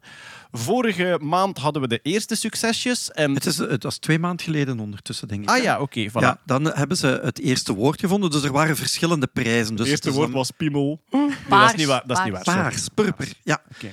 Niet ver. Het tweede woord was piemel. Paarse piemel. ja, voilà. Even een recap. Dus dat waren... eh, Peter heeft nu heel nacht lesgegeven op de middelbare school. Die komt hier en ik blijf dit doen gewoon. Die heeft het al heel de dag moeten... Sorry, Manneke, Peter. dat is echt waar. Het was vandaag weer al in biologie alvleeskleer. Die mannen! Sorry, meneer Baart. zag, ik ga u nu laten praten. Echt waar. Maar fijn, goed. Dus Lieve ze biedt op de het onderzoeksteam, het, het onderzoeksteam had gezegd van kijk, wij hebben te weinig middelen om dit verder te zetten. Die hebben dan daar een, een challenge van gemaakt en gezegd van kijk, jullie krijgen al die 3D-scans. Jullie krijgen onze artificiële intelligentie software, open source. Je doet ermee wat je wilt. En die hebben dan verschillende prijzen. Dus eerste woord, eerste pagina, whatever. De hoofdprijs is degene die het eerste een rol kan lezen. Oké. En die is nu gewonnen. Wauw, de volledige rol. Ja, wacht. eh, op dit moment hebben ze 5% van die rol kunnen ze nu lezen. Maar de techniek Ja, is maar ja, er. dat was om- ik er ook door op mijn examens. Maar ik ken de Maar de techniek, techniek is er nu. De techniek is er nu. Dus de eerste die een prijs had gewonnen was een kerel. Die had dus dat eerste woord kunnen eh, detecteren. Maar die gast heeft nu eh, het team gemaakt met nog twee andere kerels. Dat was eigenlijk degene die na hem kwam. Dus hij is, nu moet ik even nakijken, eh, Luke Farrier of Faritor. Ja, Faritor is het. Dus dat is degene die het eerste ehm, eh, het woord heeft gevonden. Dan is er eh Youssef Nader, een Egyptische doctoraatstudent. Die was het tweede. Die heeft ehm, een, een kolommetje kunnen lezen. Oké. Ja? En dan had je Julian Schillinger, dat is een Zwitserse robotica-student. En die was eigenlijk gespecialiseerd in de methode om die dingen te ontrollen. Dus ze moeten eigenlijk die rollen hè? virtueel ontrollen. Ah, virtueel ontrollen, ja. ja, Virtueel ja. ontrollen. Ah, al- het echt kun je er niet aankomen. Nee, nee. Dus ja, je, Nee, hebt, je, hebt een, je hebt een scan van, van een rol Ja. en dan moet inderdaad Ja, virtueel... ja, het is dat, allemaal eh, kool. Het is allemaal hè? kool. Hè? Het is Ja. verkoold papier, hè? verkoolde papyrus. Maar wat staat erin, Peter? Wat Ja. Ja, ja. Maar wacht Geef me de geheimen van Wacht. Dus die drie mannen hebben nu eh, het eerste stuk kunnen ontcijferen. Dat is ongeveer 5% van die rol.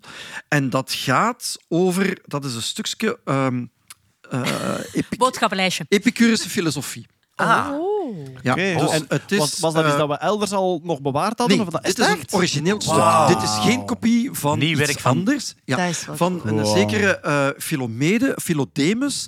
Dat was een Griekse filosoof. En die zou eh, een tijd in die villa gewoond hebben. Dus het was een villa in Herculaneum. En die was eigendom van de familie van de schoonvader van Julius Caesar.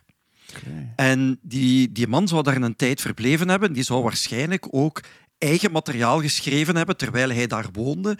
En dit is een van die stukken.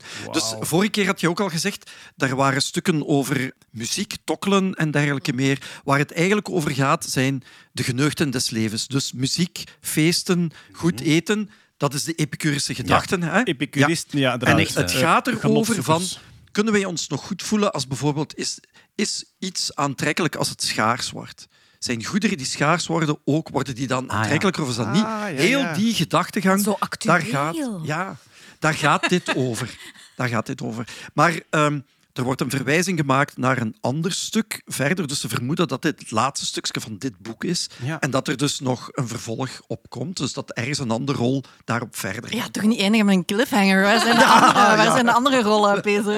Er zijn er 800. We hebben dus nog wat invested. even te. Ja, ik denk dat is ja, een goede schrijver. Het is zo geschreven. Ze. Gaat daar wel iemand Dat een bedoel- podcast over Ja. maken? Maar ja, dus we zijn met de verkeerde rol begonnen, dus vanaf nu is het Memento dat we gaan kijken. Dus gewoon eigenlijk altijd stapjes Maar terug wat in de ik, tekst. Wat ik, zo, wat ik nu zo echt zo cool aan vind, dit is origineel materiaal. Dat dus dit Ja, is ja. al... En, en dat heb ik vorige keer ook al gezegd.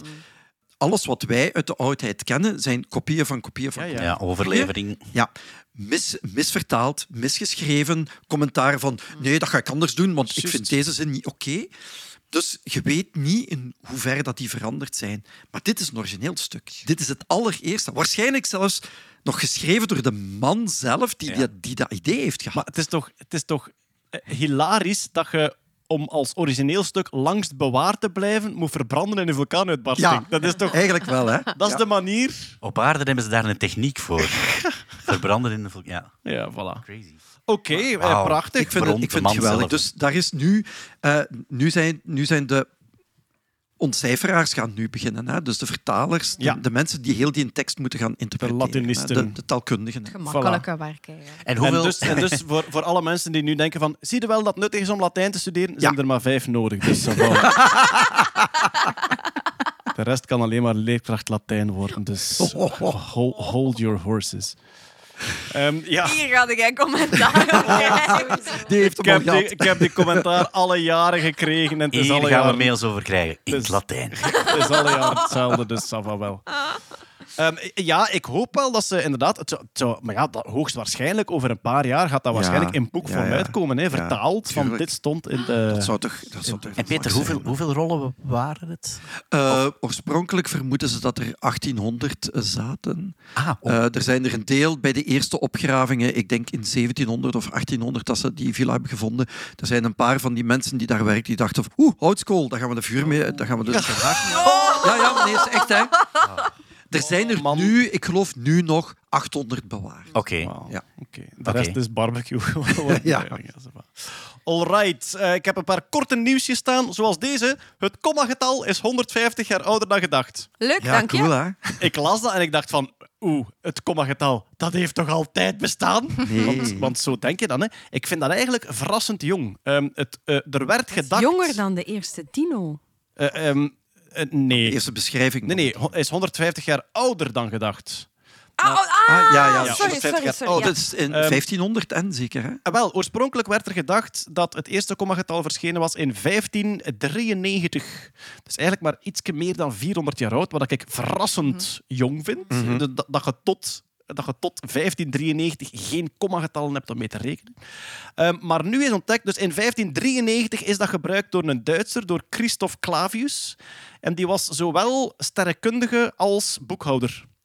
En er werd altijd gezegd dat dat is een unieke combinatie, omdat eh, sterrenkunde werd gedaan in het 60-delig taalstelsel en boekhouderij werd al gedaan in het 10-delig taalstelsel. En ook gewoon interessant en oninteressant. Speciaal. Wat zeg je? Interessant en oninteressant. Sterrenkunde is ook interessant. Ja. eh. Dat is echt zo boekhouder overdag, maar s'nachts wordt hij sterrenkundige. Ja, goed, maar goed, die, die sterrenkundigen waren supergoed met getallen, uiteraard. Dat waren wiskundigen Tabellen, enzovoort. tabellen, tabellen, tabellen. Maar die moesten natuurlijk ook eh, brood op de plank krijgen. Iemand die goed kon rekenen was enorm in trek bij mensen met veel bezittingen. Want dus wat die deden, wat Ja. die deden als goed betaalde job, dat was kijken wat zijn de landerijen, hoeveel brengt dat op, hoeveel eh, eh, vierkante meter is dat, percentages halen enzovoort. En er is niks veranderd in de wereld. Een groot deel van de afgestudeerde fysici in Engeland eindigen in de finances. Zeg maar, ik denk dat daar astrologie ook ontstaan is. Dat die sterrenkundige zo zei van, kom, we gaan nog wat geld slagen uit die rijke gast. Zeg jij een schorpioen? Ik zal eens een berekeningsje maken voor u. Ja, nee, maar ja, dus inderdaad, zo Financial District, dat zijn heel vaak ook ja, Ja, ja, fysici, ja. wiskundigen van ah, jij verstaat nummertjes, dat is goed. Help ons een keer nummertjes van de dieren af te troggelen, alstublieft. Exact. Zeg, ouder dan gedacht. Hebben ze dan een manuscript gevonden of zo, waar dat het Ah, wel. voorkomt voor het eerst? Die Christoph Clavius die gebruikt die kommagetallen en vanaf zijn gebruik is het langzaam gepopulariseerd. Onder andere via eh, Simon Stevin, eh, onze Ah, ja, ja. Brugse wiskundige, die heel veel gedaan heeft voor populariseren van de wiskunde, niet alleen in het Nederlands taalgebied, maar eigenlijk die heeft grotere invloed dan enkel Ah, jij België zegt en Nederland. Stefan. Ik zeg Steven. Ja, je kunt het alle twee zeggen. En ik Zeg zou ook wel... Simon. Ik, ik zou wel commentaar krijgen. Ik denk dat ik Stevin zeg, omdat dat bij ons op Tunif zo soms uitgesproken werd. En dat zal, dat zal waarschijnlijk een gevolg zijn van het feit dat Tunif vroeger Franstalig Ah ja, was. tuurlijk. Toch Dat ook zou eigenlijk Kevin, niet? Kevin? Kevin. Kevin, Stevin. Ja, voilà. Ehm, Christoph Clavius, eh, 1593. Sinds zijn gebruik wordt het gepopulariseerd. Maar ze zijn gaan kijken naar... Er is een soort studie op eh, wat waren zijn bronnen, waar baseerde hij zich op enzovoort. En wat vinden ze op een bepaald moment? Een Canadese professor is een manuscript aan het uitpluizen van Giovanni Bianchini. Ja, ik zeg Bianchini. Ehm, en ehm, Giovanni Bianchini. Eh, en dat is een manuscript uit 1440. En wat zien ze daar? Ook kommagetallen. En blijkbaar heeft die Clavius veel van die werken van eh, Bianchini gelezen. En dus wordt er nu waarschijnlijk gedacht, ah, die Giovanni, want Bianchini trouwens staat, eh, was een enorm creatief persoon en heeft heel veel andere ehm, rekenmethodes en dingen uitgevonden ook. Ook hij was eh, astronoom en boekhouder. Dus dat is echt een soort combinatie van die twee. Dus het is misschien... Wat is er misgegaan Ja. daarna eigenlijk? Ah ja, eh, eh, mooie dingen doen en geld verdienen, dat Ah, is ja. eigenlijk de combinatie. Ik vind dat wel heel schoon, zo'n gouden plak aan die voordeur. Astronoom boekhouder. Ja, voilà. Ja. Zalig. Maar eigenlijk in die tijd was het gewoon, ik snap nummers. Ah, dat is Ah, ja. goed. We hebben, we hebben 15 jobjes voor u. Ik ben nummersnapper. Ja. Oh. En voor het, want ik vroeg me dan af, hoe deden ze dat ervoor? En daarvoor was het met breuken. Maar stel je nu een keer voor dat je ingewikkelde berekeningen moet maken met breuken. Dat je zegt 56 en 1 vierde plus 300 en 1 28ste. Op dezelfde Ah, nummer voilà, zetten. heel veel dingen op dezelfde noemer zetten enzovoort. Ehm, en de eh, eh, eh, José Chabas, die ehm sterrenkunde-historicus is, stel je voor, je bestudeert de geschiedenis van de sterrenkunde. Hij zegt, eigenlijk is het kommagetal een, een soort een van de mijlpalen in de wiskunde. Hij zegt, als je, kijkt, als je kijkt naar wat heeft het ons mogelijk gemaakt om ingewikkelde berekeningen te doen, heb je verschillende momenten die een enorme rol gespeeld hebben. Eentje is de komst van de Arabische getallen. Met Latijnse, met Romeinse getallen is het veel moeilijker rekenen dan met die Arabische. Daarna zegt hij het concept van de nul. Is echt een Ja. soort innovatie, eh, eigenlijk innovatie in de wiskunde. En daarna zegt hij het komma-getal. Maar en dat we eigenlijk totaal niet weten wanneer dat, dat echt ontstaan is, dat is zot, hè? Inderdaad, ja. en Wel, dus, dus die Bianchini, omdat hij, zoveel, omdat hij zo creatief was en zoveel verschillende dingen bedacht heeft, vinden de mensen het nu heel waarschijnlijk dat hij wel de eerste was. Maar dat is Ja? nog altijd niet zeker. Nee, misschien is het nog ouder. Misschien is het nog ouder. Ja, zou best kunnen dat hij dat van, van elders... Allee, zoiets eh, cruciaal dat we dat niet kunnen pinpointen. Ja. Dat is toch... Ja, inderdaad. Maar dus, allee, die, die, heel die tijd tussen het jaar 0 en het jaar 1500, Maar de nul bestond toen nog niet. Hè? het jaar 1, maar inderdaad, het was het jaar 1. En bestonden commas in teksten al als leespauze? Dat denk ik wel. Ah ja. Dat denk ik wel. Staat daar in die papyrus een komma, Peter? Nee. Nee? Oké. En toen... Nee, in, in Grieks, in Oud-Grieks en het Latijn geen commas. Nee. Er, er waren, Ah, ja, er waren nee. ook periodes dat, dat er geen komma gebruikt werd, maar, maar dat de getallen achter de komma in een eh, ellips gezet werden. Ah ja, Ah, ik heb dan... Ja. Het natuurlijk getal loopt tot hier en dan een ellipsje getekend. ellipsgetallen. Ehm, en ehm, wij gebruiken een komma en in Engeland gebruiken ze een puntje. Ja. ja. En Ah, dat ja. heeft te maken met hoe dat we de maal schreven. Wij schreven de maal met een x. Dus wij hadden het puntje nog over, of het was zoiets. Ja, Ja, ja. of Ja. omgekeerd. Excel weet dat Dat is altijd in Excel opnieuw uitvinden. Hè. Spannend. Zo dat eerste getal dat je gaat indrukken. Wat was het ook weer? We gaan het nu zien. Oh, bedoel je een datum? Bedoel je een datum?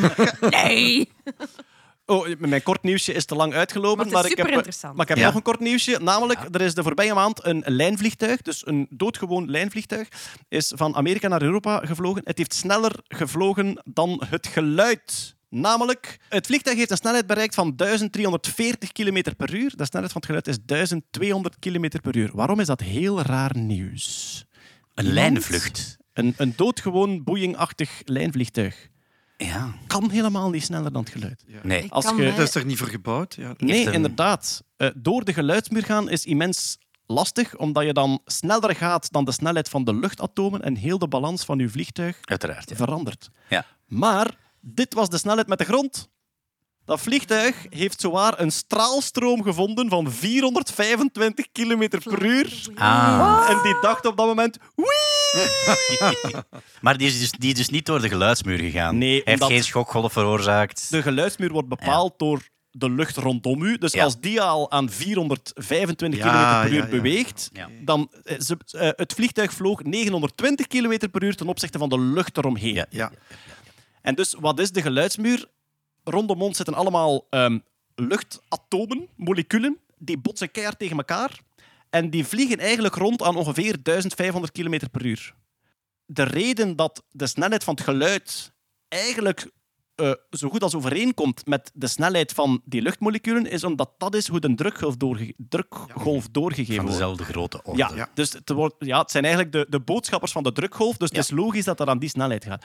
Met andere woorden, als je met het vliegtuig door de geluidsmuur gaat, is niet zozeer die snelheid van het geluid het probleem. Het probleem is dat de lucht u niet meer kan inhalen. En als je trager dan 1200 km per uur vliegt, dan krijg je eigenlijk nog een duw in de rug van luchtmoleculen achter u die u nog inhalen. Het moment dat je daar doorgaat, verandert compleet de balans en de druk van de lucht rondom u. En moet uw vliegtuig zich totaal anders gedragen om stabiel te blijven. Daarom dat die eerste vluchten door de geluidsmuur allemaal ontploft, ja, ontplo- eh, uit elkaar gebroken zijn, omdat heel de, heel de balans en heel de druk op uw vleugels verandert compleet.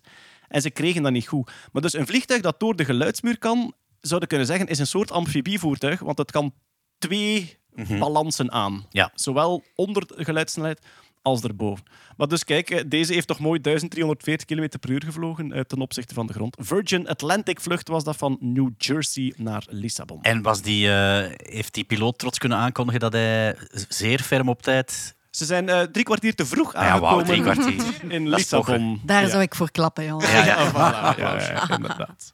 Oké, eh Hetty. In China wordt er eh, veel AI-onderzoek gedaan, maar nu was er nieuws over een manier om met AI dementie te voorspellen uit allerlei biomarkers en dan wel 15 jaar voor de eerste symptomen Ja, stond er in het persbericht. Heel straf nieuws dat hier niet echt de media heeft gehaald. Ehm, Het is, het is een dingetje met China en ik ja, krijg maar het... China en AI. Inderdaad, ik. krijg Ja. het, ik krijg het steeds vaker te horen van mensen die China volgen, die Ja. zeggen het AI-nieuws dat wij krijgen komt op zich ook logisch uit Engeland en Amerika.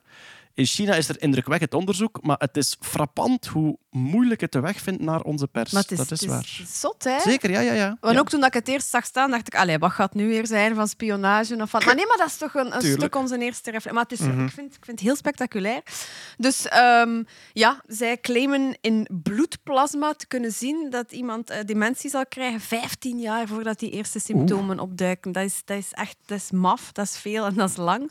Dus ze hebben een eh, Britse biobank gebruikt. Daarin zitten data van ongeveer 50.000 mensen die sinds midden jaren 2000 ook opgevolgd worden. Dus dat er dan regelmatig bloedtests eh, mee gebeuren en die dan ook uiteraard opgevolgd worden op vlak van gezondheid. Een, eh, een duizendtal daarvan die hebben eh, in de loop van die follow-up periode dementie ontwikkeld. En dan hebben ze natuurlijk met AI ja, een soort voorspellend model gemaakt, omdat ze dan konden terugkijken. Ja. En het straffen is, dus ja, ze hebben die diagnose, maar ze zijn beginnen terugkijken. Vanaf wanneer beginnen er hier bepaalde markers af te wijken van, van de normale levels? Ze hebben alle eiwitten in het bloed eh, nagegaan. En ehm, ja, ze hebben er daar een paar in gevonden die dus eh, met zeer hoge waarschijnlijkheid aangeven wanneer dat iemand over 10 of 15 jaar dementie gaat ontwikkelen. Ik vind het echt straf. Ik vind het heel straf, omdat... En het staat vast, die markers zijn juist. Ja, wel, het ding is, er zijn een aantal beperkingen, als in, dat is 90% witte mensen in, in die databank. Ja. uiteraard nog gaan, Ja, eh, ja. gaan kijken, werkt dat bij iedereen? Ik zei daarnet alle eiwitten, maar dat is niet waar. Ze hebben niet alle, alle menselijke eiwitten onderzocht, maar het moet ook allemaal nog bevestigd worden. Ja. Het is een eerste studie. Maar dat is wel de heilige graal waar we al heel lang naar op zoek Ja, zijn. zotjes. Van in één druppeltje bloed of een ziekte vast te stellen, of nog heiligere, graliger Ja, voorhand te kunnen voorhand te voorspellen, kunnen hè. voorspellen. En, eh, Zou je dan ook iets preventief kunnen doen? Het probleem met, met dementie is dat er geen medicatie is, natuurlijk. Hè. Er is eh, wat afremmende medicatie Ja. die dan misschien wel Ja. vervroegd Maar zou maximum kunnen... twee ja, jaar, voilà. Maar Ja. misschien kan dat dan vroeger ingezet worden. Maar ook voor het begrip en zo van die ziekte, ik vind, ik vind het heel straf. Bart, jij zei daarnet, bij, bij die video's en zo, we gaan nog altijd een mens moeten hebben die hardcoding doet bovenop wat, Mhm. wat AI doet. Ik heb met dit biomedisch onderzoek altijd het omgekeerde van, maar de patronen, dat zo'n AI model kan herkennen in zo gigantische Ja, ja, maar- maar gelijk op- op- biobank. Mensen zeggen wel waar Zeker, je zeker, zeker. Maar bijvoorbeeld bij een deze, hè, dus die, die vindt nu biomarkers. Hè, die, die, zet- ik heb hier dat stofje Mhm. Ja. en dat Ja. is duidelijk. Al die mensen met die dat, dat stofje beginnen te vertonen. Ja. Maar we kennen Of zelfs combinaties, zelfs Of patronen. combinaties, zeker, zeker. En, en Ja. zeer complexe patronen. Ja. Maar we weten het werkzame mechanisme van hoe komt dat? Tuurlijk. dat daar hebben we nog altijd een mens voor nodig. Ja, Oké, ik, Maar ik heb, ik heb hier nu een aanwijzing. Je, hebt- je hebt nog een directieve nodig die nu zegt... Ga nu eens biologisch verklaren hoe dat, dat komt. Ja. Pas op, die verklaring heb je niet nodig om iemand te redden van je... Klopt. Dus, dus Nee, dat maar je wilt dat wel ja. Weten. Hè? Maar je- ja. ja, Ja. ja. Maar ook, ook het moment dat er iemand eh, gaan zitten is en dacht... ehm, ik wil proberen dementie voorspellen uit dit soort biomarkers, maar ik ben niet zeker of dat gaat werken. Ah, in Groot-Brittannië hebben ze een biobank bijgehouden waar ik als onderzoeker gebruik van mag maken. Dat zijn ook menselijke beslissingen natuurlijk. hè, Ja. Ja. Die alles samengelegd heeft. Ja, ja, tuurlijk. En ook het, het, het, ehm, het dataverhaal daarin, het feit dat er in Groot-Brittannië een databank beschikbaar is waar mensen eigenlijk al twintig jaar lang Ja. die gegevens ingevoerd hebben, waarvan dat er sommige dementie ontwikkeld hebben, dan kun je aan AI vragen, kijk nu eens terug of dat je ergens een patroonverandering Ja. ziet. Ja, maar je moet Dat is eerst- ook een hele gerichte vraag, hè? Ja. Ja. Eigenlijk, ja. En je zit er ook weer met de, met de datavraag. Je ziet, welk, je ziet welke gevolgen, eh, welke, welke toepassingen dat je kunt ontwikkelen als die data beschikbaar is. En uiteraard, en Jeroen zal daar zeker een mening over hebben, je hebt natuurlijk wel aan 20.000 mensen gevraagd om die data geanonimiseerd, zo goed als zeker, ja, 50.000. ja, voilà, 50.000, voilà, om die geanonimiseerd beschikbaar te maken. En zo heel dat verhaal dat je in de genetica ook vaak hoort van heel veel onderzoek is een enorme afweging tussen we kunnen heel snel vooruit gaan als we enorme databanken mogen gebruiken, maar we moeten ook de privacy van de mensen beschermen en de consent van de mensen. En dan, ja. en dan ook dus de- inderdaad de selectiviteit van die, hè, van die proef. Je zijt eigenlijk alleen maar zeker als je het mechanisme begrijpt. Hè. Want stel dat je straks, bijvoorbeeld in China of ergens anders, doet je helemaal hetzelfde. Databank met allemaal dezelfde demografie, behalve een paar parameters anders, omdat je nu eenmaal op een andere plek zit, in een andere tijd. En stel, daar komt iets volledig anders uit. Die markers werken niet meer. Ja, als, stel- als je het mechanisme niet begrijpt, mocht je niet de fout maken datgene dat je, dat je door, door AI en door data hebt laten bepalen, waar, daar, waar dat geen enkele echte logica achter zit. Er is een patroon erkend Ja. in een, in een steekproef. Dus je moet nog altijd weer statistiek... Allee, er is nog altijd veel om in de oog te houden. Maar, ik, snap, allee, ik snap dat, dat in deze... Die marges zullen goed zitten. Hè. Dat, zal, dat, zal, dat zal min of meer... Die Maar steekproef zal goed zijn. En, en... Ik denk vooral dat, dat dit een eerste voorbeeld is van iets wat er heel veel van gaat volgen. Absoluut, absoluut. Ja, ja. En ik juich het eh, zeker toe ook. De grens tussen genetica, biologie en AI, dat, mm, daar gaan wij nog heel veel van horen. Maar ja, ik ben, Ja, ja, ja. Ik ben, eh, ik ben onlangs nog bij, bij Stijn Aarts geweest Ja. eh, aan de KU Leuven, die een, een DNA-lab heeft. Ik was, daar, ik was daar, ik denk een jaar of vier ervoor was ik ook op bezoek geweest. En ik vroeg, ik vroeg wat is er veranderd in die vier jaar? En hij zei, de helft van mijn volk is AI-wetenschapper. Ja. Omdat dat, ja... Eh, Peter, is de leeuw sterker dan de mier? Nee, natuurlijk niet. Dan is het nu tijd voor... Oké, dit, begint, dit begint als een soort sprookje. Ik stel de vraag aan Peter: is de leeuw sterker dan de mier? Peter zegt nee, maar waarom vraag ik het, Peter? Er was een, eh, een onderzoek en er is, is een iets onderzoek. ontdekt. Ja, is, het is, eigenlijk is het een beetje ecologie. Hè? Kijk, in de savanne, daar heb je, dat is voornamelijk grasland, maar daar staan acaciabomen in. En die acaciabomen die spelen een cruciale rol. Ehm, in de eerste plaats omdat ze op een open vlakte voor bepaalde dieren eh, wel wat eh, schaduw geven. Ja. Maar leeuwen gebruiken dat bijvoorbeeld ook als uitvalsbasis om van daaruit bijvoorbeeld kuddes, zebra's of weet ik veel, wilde beesten te gaan besluipen. Olifanten spelen een rol in dat systeem in stand houden. Dus als je dat zonder olifanten zou hebben, dan zou na een tijd die savanne dichtgroeien vol met acaciabomen. Ah ja. Ja, ja. Dus die olifanten, die eh, duwen die bomen om, die pellen die schors daarvan af, eh, die eten die bladeren op. Maar die, dat zijn de enigen die sterk genoeg zijn om zo'n boom gewoon om te duwen. Een giraf bijvoorbeeld, die heeft een lange nek, maar die kan aan de bovenkant die, Ja. die blaadjes opeten, maar die kan die boom niet omduwen. En daar is een hele schone balans daartussen. Die, die, die olifanten zullen nooit alles omduwen. Maar waarom niet? Omdat heel veel van die acaciabomen, dat zijn wat ze noemen bullhorn acacia, die hebben hele grote holle doornen. Dus de meeste acaciabomen met doornen zijn redelijk groot, die zijn hol. En die leven in een mutualistische eh, relatie met een bepaald soort mier. Die mieren die zitten in die boom, die, zitten, die wonen in die doornen en in die stam. De boom zelf geeft eh, nectar en bepaalde eh Malarian bodies heet dat. Dat zijn uitsteeksels op de blaadjes die eiwitten bevatten. Dus kosten inwoon en de mieren in ruil verdedigen de, de, de boom. Maar kunnen ze zonder elkaar? Kan de mier zonder de boom? Nee, Oké, en kan de boom zonder de mier? eh, ook niet echt. Wat een prachtig doet- verhaal, hè? de Romeo en Julia dat is echt, hè? Maar wat, ehm, dus wat de mieren doen, die houden eigenlijk alle vijanden van die boom af. Dus elke rups die op die boom komt, hop, die vreten we op. Maar ook olifanten en giraffen, die proberen daarvan te eten. Die mieren die kruipen bijvoorbeeld aan je slurf in. Eh, en dus die houden die olifanten wat op afstand. Nu, niet alle bomen zijn bezet. Dus er wordt, het is wat ik zeg, het is een evenwicht. Hè? Ja. Dus sommige bomen worden gespaard. Wat is er nu gebeurd? Daar is een, eh, daar is een invasieve exoot eh, binnengeraakt. Dat is eh Phaidole. Phaidole is een hele groep, eh, grote groep mieren, een heel groot geslacht. Daar zitten geloof ik 900 soorten in. Een hele moeilijke groep. En daar is één soort, eh Phaidole megacephala, de dikkopmieren. Die heten zo omdat die soldaten uitzonderlijk grote koppen hebben. En die, eh, die vallen, die mieren, dus de pseudomyrmex, want dat is het, het genus wat is in die, in die acacia's, die, die, die vreten die pseudomyrmexen op. Maar ze gaan zelf niet in de boom wonen. Nee, Ze laten de boom leeg achter. ja, ze laten de boom leeg achter. De boom heeft geen verdediging meer. En er worden veel meer bomen omgeduwd en opgevreten door olifanten. En nu beginnen die acacia's te verdwijnen. En nu moeten die leeuwen opkrassen, want die hebben geen schaduw meer, die geen schuilplaatsen meer. Om, eh, geen uitvalsbasis meer. Exootmier jaagt originele mier weg. Boom heeft geen verdediging meer. Olifant duwt boom om. Ja. Leeuw kan niet meer schuilen. Ja. Eh, je kan niet meer eten. Leeuw weg, te veel zebras. Alle, hè? Het is toch echt Ja. een heel fragiel evenwicht als je dat zo hoort, Maar zoals heel veel dingen, hè? heel veel Goldberg. dingen in de natuur zijn zo mooi met elkaar verweven, dat heel veel dikwijls als je daar zo ene schakel uithaalt, Ja. dan stort heel die boel in elkaar. Hè. Voilà. Vandaar de, ja, de biodiversiteit hè, waar zo op eh, Ja. ingezet wordt. Ja. Oké, na dit eh, prachtige sprookje over eh, ware vriendschap en ehm, niks eigenlijk. Ehm, Olifanten.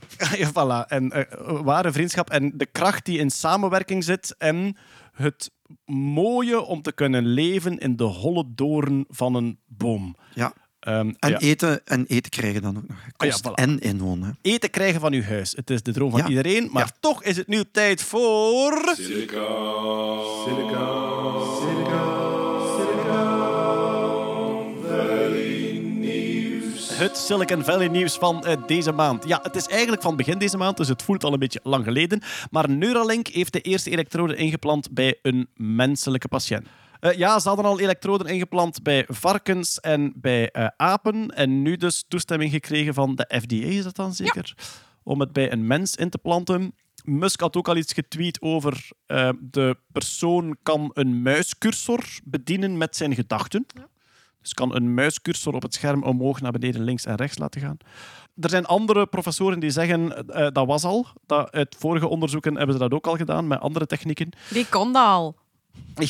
ja, inderdaad. Het is ook gewoon iemand zonder problemen. Die kan ook met zijn hand... eh, heel gek. Maar er is weinig bekend over de patiënt, omdat Ja. die uiteraard ook eh, beschermd wordt, eh, anoniem gehouden wordt. Dus ja, we kunnen alleen maar afgaan op wat er gemeld wordt vanuit Neuralink. En na dat, de ophef van het nieuws Eerste Mens is er eigenlijk weinig nog, eh, Ja. weinig nog En het was ook nog niet de bedoeling om iets te gaan genezen of zo. Het was gewoon kijken van, kan dat ingeplant worden? Verdraagt die mens dat? Heelt Ja. die wonden goed? En Ja. wat is het dan? Voorlopig. Totdat hij met iets gaat komen waarschijnlijk. Van ja, trouwens. eh, maar nee, voorlopig nog niks. Nee. Oké, maar het is ingeplant bij een mens en het is wachten op, eh, op de resultaten. Wa- wat moet ik mij inbeelden bij het, het Muntstuk- toestelletje? Een muntstukje, ja. Ah ja, oké. En als ik me niet vergis, ook een heel dun draadje dat dieper het brein in gaat, denk ik. Dus echt zo'n heel dun metalen draadje met sensoren op, dat dan dieper het brein in gaat. Wat ook al bestond voor Epilepsie pas? die brain stimulation, epilepsie, zware depressies, eh, angstaanvallen eh, worden daar soms ook mee behandeld.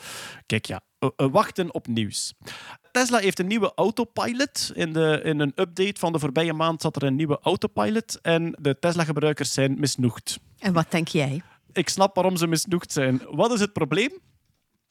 De binnencamera van uw Tesla wordt gebruikt voor eye-tracking om te kijken of je naar de weg kijkt.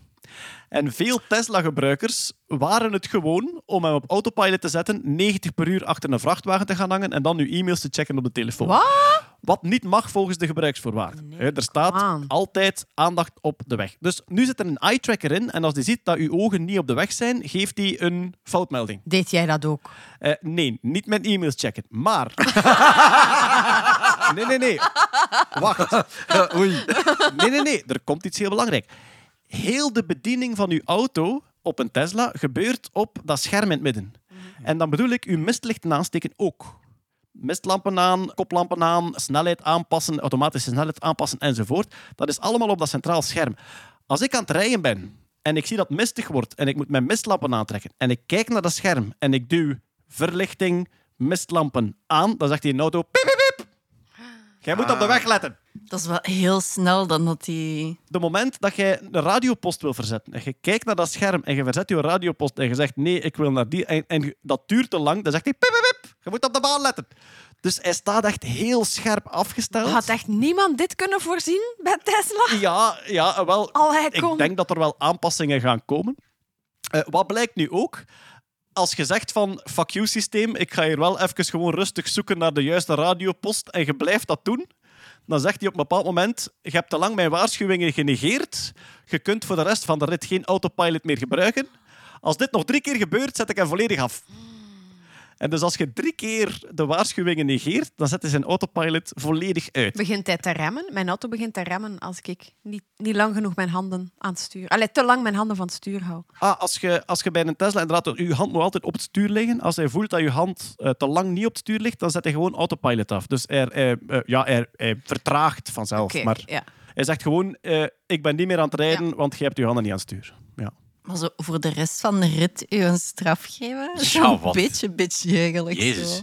Ja, dat was, dat was vroeger ook. Dus als je, als je je hand niet aan het stuur hield, en dan krijg je een waarschuwing. En als je die negeert, dan zet hij ook autopilot af voor de rest van de, van de rit. Ja, mocht het eigenlijk niet meer gebeuren. Echt een auto met karakter.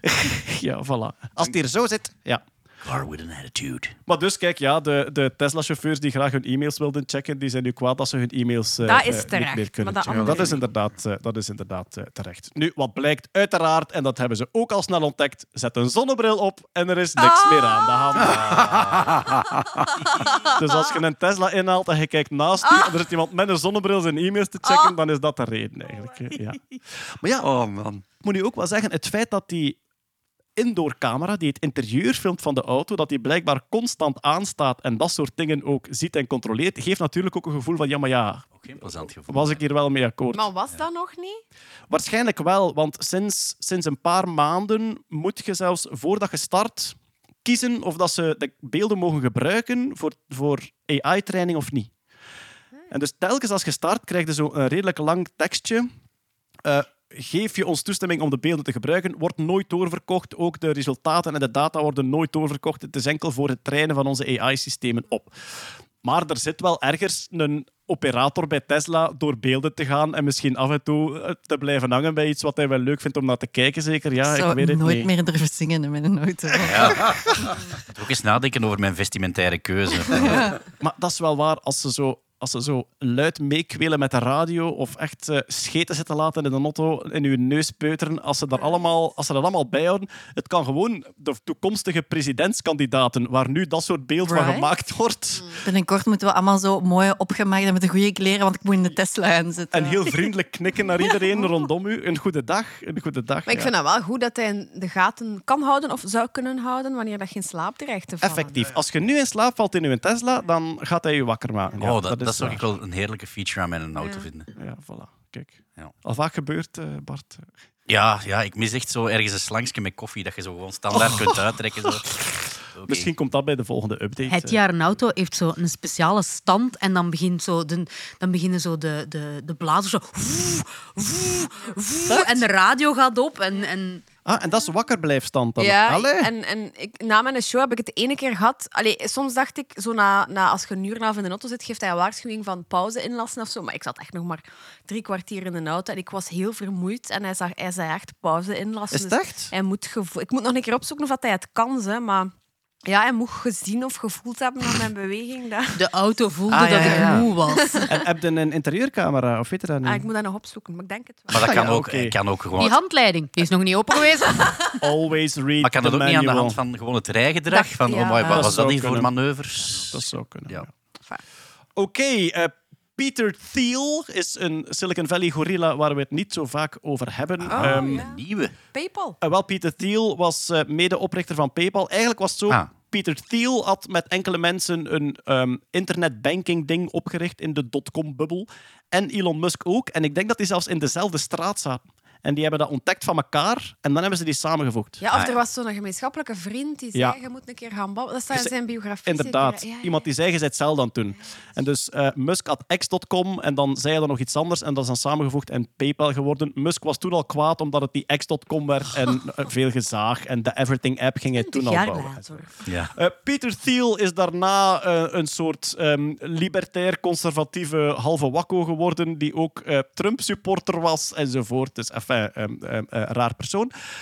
Ehm, hij doet nu mee aan de funding van de Enhanced Games. En het idee van de Enhanced Games is... Als we nu eens Olympische Spelen houden, waar doping wel mag. Epic, ik wil het. ja. Nee, Apple. Oh, prachtig. Mooi. Ik denk dat we een slogan hebben. Jazeker.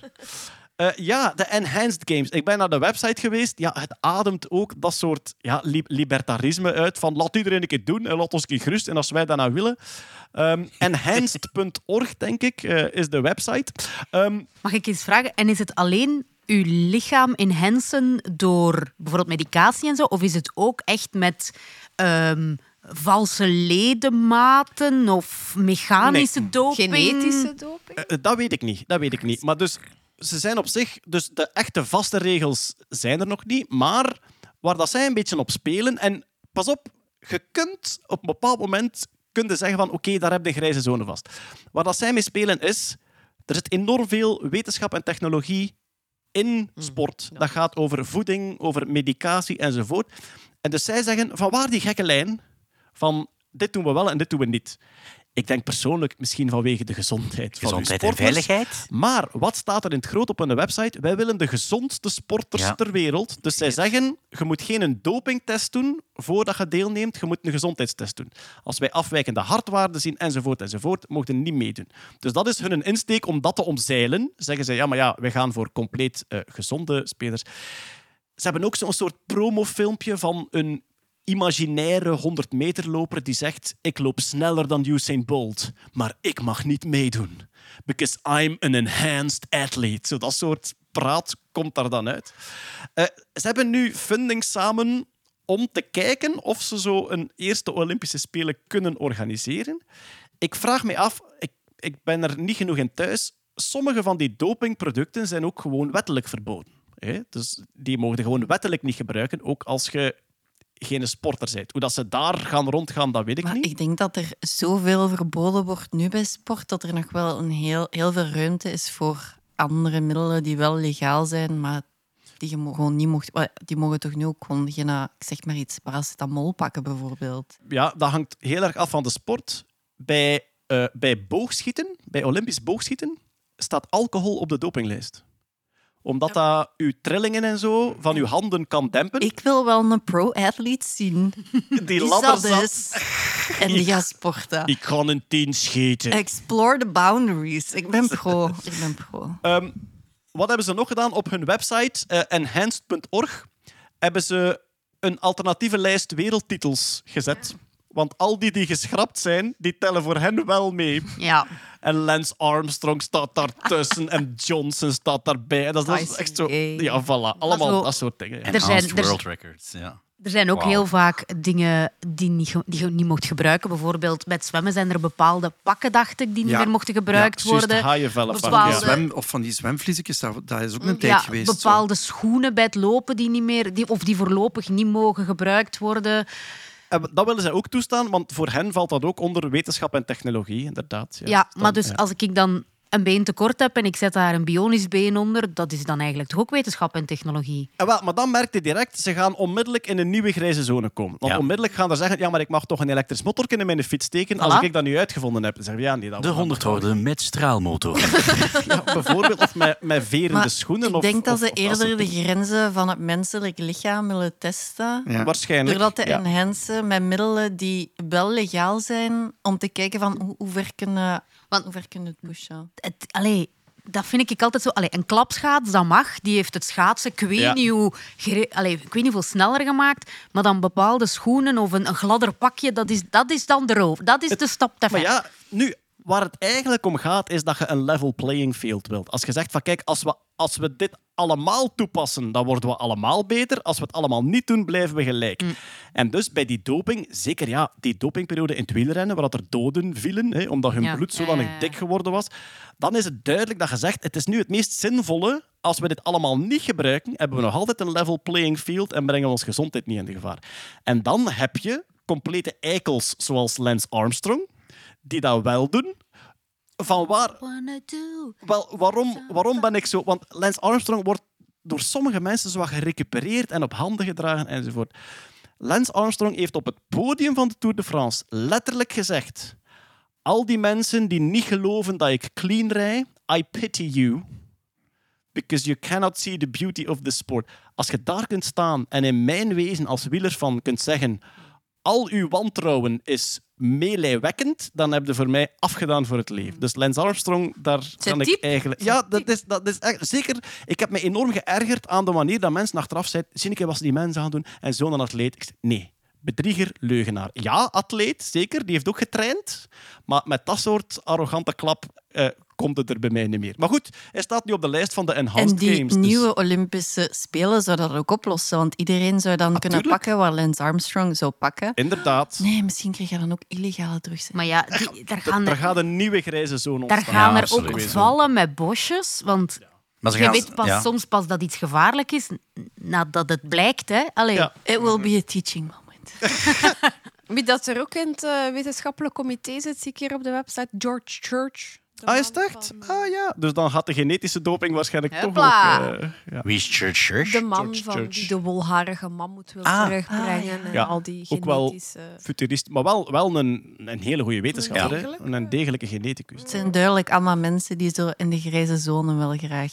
Maar ja, Wel, het prikkelt wel. Ja, het is wel iets om over... wel. Ja? Het is duidelijk dat dat discussie opwekt en dat je denkt van waarom wel, waarom niet. Ik snap dat, dat niet. Ik ben persoonlijk geen fan, omwille van verschillende ja, redenen. dat snap ik. Maar je, allee, je kunt mij abso- absoluut... Allee, het is niet dat ik heel rationeel kan zeggen daarom moet dit verboden zijn. Er zit een groot stuk emotie bij en ideologie waarschijnlijk, ja. Maar goed, ehm, het, eh, het concept is opgericht. Ze zouden graag voor 2030 hun eerste spelen eh, organiseren. Of dat gaat lukken, ja, dat eh, zullen we zien. Oké, we gaan toch eens ook naar een, een nieuwe vaste gorilla in de rubriek. Dat is Sam Altman van OpenAI. Qua gorilla-gedrag was hij deze maand goed in vorm. Hij zoekt 7 biljoen dollar in investeringen om AI-hardware te bouwen. Dus er is een enorme rush op die eh, GPU's, hè, die, die GPU's waar je AI mee kunt trainen, van Nvidia vooral. Een enorme rush, die prijzen zijn enorm. Dat zijn tientallen miljoenen dat zowel Facebook als Google als iedereen daar naartoe smijt, omdat er gewoon veel meer vraag is dan aanbod. En Sam Altman is aan het rondgaan in de wereld en zegt, als we nu een keer 7 biljoen dollar samenharken, dan kan ik de beste chipfabriek ooit bouwen en dan kunnen we iedereen in de wereld voorzien van wat ze nodig hebben en gaat de AI veel sneller vooruit gaan. Het is chipnieuws, dus ik heb eens gehoord bij Marianne wat zij daarvan denkt. En zij eh, denkt ehm, hoogstwaarschijnlijk bluff. En in de chipwereld vinden veel, vele mensen het ronduit belachelijk. Maar goed, misschien gaat hij een, een deel van dat geld samenkrijgen. Maar 7 biljoen. Maar hoeveel is- is dat zelfs? dat is 7000 miljard, is dat. Dat is, ik denk, ongeveer vijf keer de waarde van Apple op dit moment, dat hij wil samenkrijgen. Ik heb van Marianne een lijstje gekregen. gekregen. 7 biljoen dollar is het volledige volume van halfgeleiders dat in de voorbije 20 jaar geproduceerd is. Ja. Dat kun je nog zeggen, exponential growth. Hè? Exponential Ja, ja, growth. ja. ja. Het is de volledige funding van zowel het Apollo als het Artemis-programma maal 20. Goh, Dat is- Ik, ik, Ja. vind het, ik vind het vooral ook heel grappig dat Marianne zegt in de chipwereld. Want dat impliceert een onderstroom in de samenleving. Waar alle chipmensen zo conferenties houden. Inderdaad. De Ja. chippies. En af en toe komt er een binnen van Krokkie. Is dat hier dat ik moest zijn? Nee, jong. Terug naar de voeding, gij. Maar, dat is Maar die maf. flippos mogen die hier laten. Eh 7 biljoen is het volledige volume van handel dat binnenkomt en uitgaat in de Verenigde Staten in een jaar. En is het bruto nationaal product van Zuid-Amerika en Afrika tezamen. Wauw, oké. ja. Dat zijn de centen dat die mens eigenlijk wil Maar samenkrijgen. wacht, er zijn, er zijn mensen op deze planeet die dat, dat kunnen ophoesten zonder dat ze ook maar iets voelen. Hè? 7 biljoen niet, denk ik. Nee? Nee. Nee, Bart. Wacht, wacht, wacht. Oké, oké, sorry, sorry. ik, ga- ik ga, ik ga, eh, laat me even opzoeken. Laat me even opzoeken. Ik Het nationaal product van twee Landen? Niet Continenten. landen, continenten, hè? Ik denk als je de twee of drie rijkste samenpakt... Dat die Nee, dat zelfs niet. Ah, nee. zelfs niet. De rijkste mensen ter wereld hebben 200 à Nou, nee, 300 je hebt gelijk. Ja, miljard. sorry. De, de top 100. Ja, ja, ja. die ja ik, was, ik ben, naar Bezos aan het kijken, dat is 196 miljard. Ja, jongens, een, een, een, Voilà. een grote ordefoutje, Dus hè, een- moet een, kunnen. Een veertiende Ah, het is biljoen in onze biljoen. Ja, het, zijn, het, zijn, ja, het is niet billion, het is een Nee, het is biljoen. billion. Sorry. Het is, het is ja, ja. trillion in het Engels. Dat, dat was de verwarring waarmee Ah, ik voilà. sukkelde. Snap het, ik Ja, Maar dus- ja, ja. Zeven- 7000 miljard. Ja. Daar gaat het om. 7 biljoen. Eh, eh, ja, dus kijk, qua megalomaan kan dat wel tellen. hè. 7000 miljard. Ja, dat is een tiende van Bezos zijn volledig vermogen. Eh, Ja, ja een iets. twintigste bijna. Ehm, Bezos is 200 miljard. 200 miljard, ja. dus Ehm, het is een eh, zestigste. Een 60 ja. Ja, voilà. Kijk, je hebt 60 Bezossen nodig om het samen Dat te is een krijgen. eh, stevige GoFundMe. Ja, voilà, inderdaad. Maar goed, hij is, aan- is het rondgaan ook bij wereldmachten en uiteraard bij oliestaten enzovoort. Ehm, ja, megalomaan project. Maar dat die hardware, Ja. het leveren van hardware voor AI-training, dat daar een enorme bottleneck zit op dit moment, dat is wel eh, duidelijk aan alles natuurlijk. hè. Oké, dat is eigenlijk alles qua eh, Silicon Valley nieuws eh, Nou. van deze keer. Ja. Voilà, alright. Dan kunnen wij over naar eh, volgende dingetjes die we nog staan hebben, zoals eindelijk fysica, eindelijk natuurkunde. Oh ja. Een zeldzaamheid geworden in deze podcast. China is aan het bouwen aan een dark matter laboratorium. Ja, Het ja. grootste ooit. En niet alleen het grootste ooit, Bart, maar ook het diepste onder het oppervlak, wat belangrijk is voor dit soort Ja. onderzoek. Het zit eh 2,5 kilometer onder de bergjes. En dat is nodig, want ehm, ja, dark matter is eh, een vorm van materie die niet interageert met materie zoals wij die kennen. hè. De materie uit het standaardmodel. Ehm, onze protonen, onze, onze, onze elektronen, ook alles. Wat donkere materie, we zien dat het er is aan de zwaartekracht die het Ja. veroorzaakt, maar het Ja. interageert met zodanig weinig dat we eigenlijk nog altijd niet weten wat het nu precies is. Nee, nee, nee. Donkere materie is iets dat we nodig hebben, omdat we in bepaalde ster- sterrenkundige observaties zien ehm, ja, dat, er, dat er eigenlijk massa, te, massa tekort is. Wel, als een fysicus zegt we Ja. hebben het nodig, dan bedoelt hij nodig om de observaties te verklaren. Ja, voilà, voilà, voilà. Als je naar, als, als je naar, onze, naar galaxieën gaat kijken, dan zie je voornamelijk, dat, dat is de meest, of de meest duidelijkste op- observatie die vraagt om eh, dark matter, dan zie je dat de sterren aan de buitenkant van een galaxie, dat die eigenlijk veel sneller draaien dan ze horen te draaien, mocht je alleen gaan kijken naar de zichtbare materie, dus de materie die elektromagnetische straling en andere straling eh, uitzendt. Als je, dat, als je al die sterretjes, als je die allemaal die massa's gaat optellen en je gebruikt de gekende wetten van de gravitatie, dan krijg je een veel te lage eh, snelheid voor de sterren aan de buitenkant van je galaxie. Zoals de, ja, de maan draait rond de aarde en die snelheid komt exact overeen met wat verklaard wordt door de zwaartekracht van de aarde. Als Ja. je naar een heel sterrenstelsel kijkt, dan zie je die buitenste draaisnelheid die veel sneller is dan wat te verklaren valt door de materie die erin zit. Ja. Dus wordt er gezegd, donkere materie, daar is, daar is Ja. nog iets aanwezig dat Veel zwaartekracht veroorzaakt. meer donkere materie toch dan materie. Hè? 80, Ja, ja. 80% donkere materie en Crazy. 20% zichtbare. Eh, ja. Zoiets. Ja, het is het, het, eh, het univ- ja. Dus alles qua energie, materie-inhoud van het universum hebben we eigenlijk eh 5% materie-energie zoals we die kennen, het standaardmodel. hè, De deeltjes die dat we kennen, die, dat, die dat we in onze detectoren zien enzovoort, waaruit alles opgebouwd is dat we zien. Ehm, dan hebben we 25% eh, donkere materie, wordt geschat. En dan heb je 60% eh, aan donkere dark energy. Dat is nog iets anders, maar dat gaan we even buiten beschouwing laten.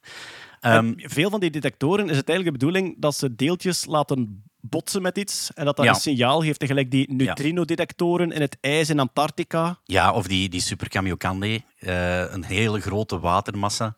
Ja. Eh, die staat ergens in Japan. Met denk die bollen en heb. zo. Ja. Ja, dus ook een hele grote watermassa, ook afgeschermd door een berg, denk ik, als ik het goed heb, of, of in een mijn. Ja. Ehm, zodanig dat je geen ruis krijgt eh, van andere menselijke infrastructuren of van... eh, ja, nee, vooral in, in betreft, eh, wat betreft die detector vooral van andere menselijke infrastructuren. Want dat ding is gemaakt om kosmische straling, dus neutrino's, eh, Ja. ehm, ehm, te detecteren. Dus een grote, grote watermassa. En dan hoopt je dat daar een neutrino... We worden doorzeefd constant hè, door neutrino's, maar er het, wordt het gezegd- interageert nauwelijks. Een miljard per seconde door uw duimnagel. Ja, zoiets. Maar ja. neutrino's, vandaar ook de naam neutraal in hun... eh, ja. Het woord neutraal in hun naam. Neutrino's interageren met bijna niets. Ja. En als je dan een kubieke, een kubieke kilometer ijs hebt in Antarctica... Ja, dat is Ice Cube. Dan is er- daar onder de grond. heel af en toe eentje die wel botst. En als je dat flitst kunt opvangen, dan kun je kijken hoeveel neutrino's dat er zijn. Ja. En dus in die berg, het werd omschreven door een van de onderzoekers als... ehm, eh, wij zoeken een fluisterend kind in een propvol schreeuwend voetbalstadion. Ja, ja, ja. En als je onder een berg kruipt van 2,5 kilometer dik, dan dempt je al dat geschreeuw van al die andere dingen. ja. En alleen dat, dat deeltje... Het is ook theoretisch. Hè? Het, het, ehm, waar, waar zij naar op zoek zijn, is het WIMP-deeltje. Dat is één van de kandidaten. Een van de kandidaten. Weak Interacting Massive, Massive Particle. particle, ja. Dus het heeft veel massa, maar het interageert bijna niet. Maar als we diep onder een berg een detector plaatsen, waar het misschien af en toe mee botst, en we hebben alle andere straling weg laten filteren door die rotsen, Ja. dan zouden we het kunnen detecteren. Alleen de vorige WIMP-detector heeft niks gevonden. Dus Er is, er, is geen, er is geen enkele detector, want je hebt er wel een paar eh, Ja. in de wereld die dan naar eh, eh, donkere materie proberen te zoeken. En ze zijn allemaal heel verschillend van setup. Ze hebben allemaal een heel verschillend medium om, om, om, om die botsingen in plaats te laten vinden. Ook hun afscherming en zo. Ik vind, ik vind enorm hoeveel variatie dat erop zit. Ehm, en dat zou ook iets te kunnen maken hebben met het feit dat er zoveel verschillende soorten kandidaten zijn voor ehm, eh, Donkere materie. donkere We materie. weten nog ja. niet wat het is, ja, inderdaad. Omdat je hoort de mensen van binnen de sector zeggen: ja, nee, maar we hebben heel duidelijke constraints eh, waaraan een, een goede kandidaat moet voldoen. Maar als je uiteindelijk gaat kijken naar. Ik denk dat er, ik denk dat er 50 orde grootte eh, eh, spreiding zitten op de mogelijke massa van een deeltje Ah, van, het van, het, van het zwarte eh, eh, Donkere materie-deeltje. Hebben wij niet meer kans om dat te vinden met detectoren in de ruimte? Scheiden dat niet... Ehm, Ik denk dat het moeilijk is om, om, die, om die massa's naar daar te krijgen. Ah. Je, hebt- je hebt enorm veel kilogram... Wat, wat gingen zij nu gebruiken? Xenon of zo? een soort Xenon gaan ze ja. nu, eh, Interageren met Maar het, het, het ding is, het, ding, het, het voordeel van nu een soort van grote eh, aardkloot te hebben, is dat wij ehm, een soort van schild tegen kosmische straling alvast hebben. Ja. Dus als je Ja. het in de ruimte doet, dan zit je daar weer met die kosmische straling als storing. Maar op we je... maken ook heel veel straling. Wel ja, maar, maar dus als, je- als je onder een berg 2,5 kilometer kruipt, dan, dan zijn al uw signaal, al uw elektromagnetische signalen van menselijke infrastructuren zijn zo goed als weg. Het, je moet- waar ze wel nog rekening mee moeten houden, is dat heel veel eh, gesteente van bergen, dat daar Radioactief. materiaal in zit. Zoals de rotsen in Dardennen ook, hè, waar, Ja, waar voilà, uranium voilà. in zit. Dus eh, die tunnels dat gegraven moeten worden, die hebben allemaal, daar- zelfs tot op de verf, de verf die gebruikt wordt, Ah, ja. die bevat een coating die dat, eh, die straling van, van, van, uit, van in de berg of van uit de berg naar binnen toe een beetje opvangt. Eh, er zijn nog meer voor, voorzorgmaatregelen En natuurlijk. hè. het metaal dat gebruikt wordt, komt vaak uit scheepswrakken van eh, voor de Tweede Wereldoorlog. Ah, is het waar? Ja. Omdat die al onder de zee lagen als de atoombommen afgegaan Ah, ja. zijn. Oh my god. Wauw, fantastisch. Ja. Metaal van scheepswrakken van voor de Tweede Wereldoorlog is heel waardevol, Ja. omdat dat niet gecontamineerd is door atoomproeven. Ja, inderdaad. Ik, ik, vond dat, ik vond dat er nog een paar eh, grappige namen zaten tussen mogelijke, eh, de mogelijke kandidaten. Dus een mogelijk ander deeltje zal... Ja, de Gravitino, dat is gewoon de supersymmetrische partner van het graviton. Ah, ik dacht dat dat zo een getoast graviton was met kaas en hesp. Ja, en afhankelijk van waar dat je het bestelt, is het met anchovies of zonder. Eh, en dan heb je het axion. Maar ik weet niet, het axion dat is een deeltje dat ook ehm, dat, dat, dat gepostuleerd is om andere problemen in het standaardmodel van deeltjes op te lossen. Ehm, en axion, als je die naam hoort, dan denk je van, ah, daar zal iets met rotatieaxis of zo. Maar dat is, dat is vernoemd naar een, eh, naar Naar de een, wa- naar een wasproduct. Echt waar? Ja.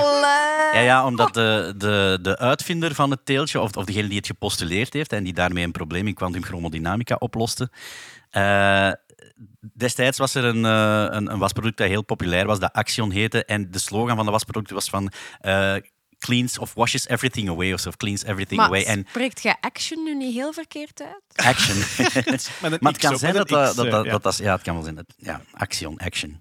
En dan is er ook nog eh, de WIMP, daar hadden we het al, het Weak, eh, Weak Interacting Massive Particle. Er is ook WIMPzilla. Dat is gewoon een WIMP, maar eh, Zwaarder. zwaarder. Ja.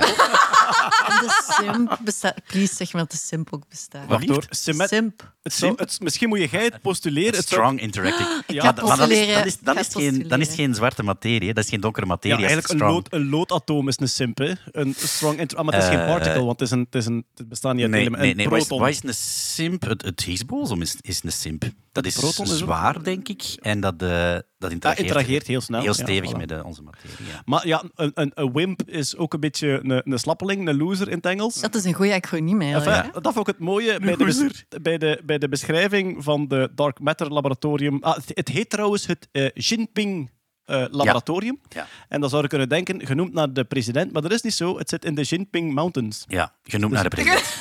Ik denk niet dat de bergen... Maar Nee, nee, jawel, nee, nee. toch? Dat denk ik niet. Ik denk dat die bergen al ouder zijn dan dat Die Jinping krijgen elke keer eh, een nieuwe naam. De man is genoemd naar de berg.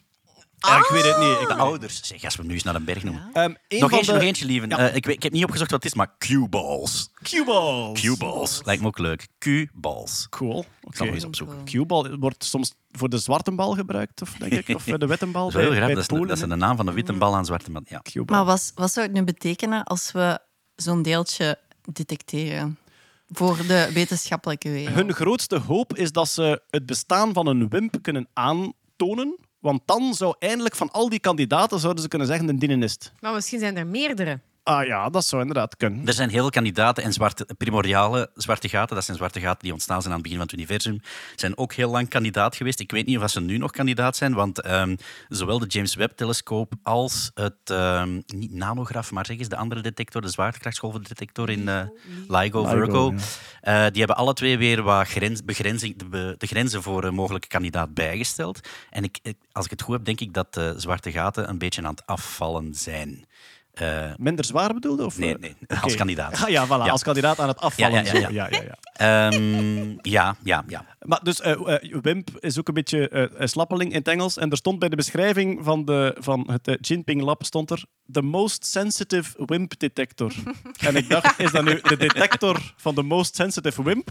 of de most sensitive WIMP detector? Ja, Ja. oké.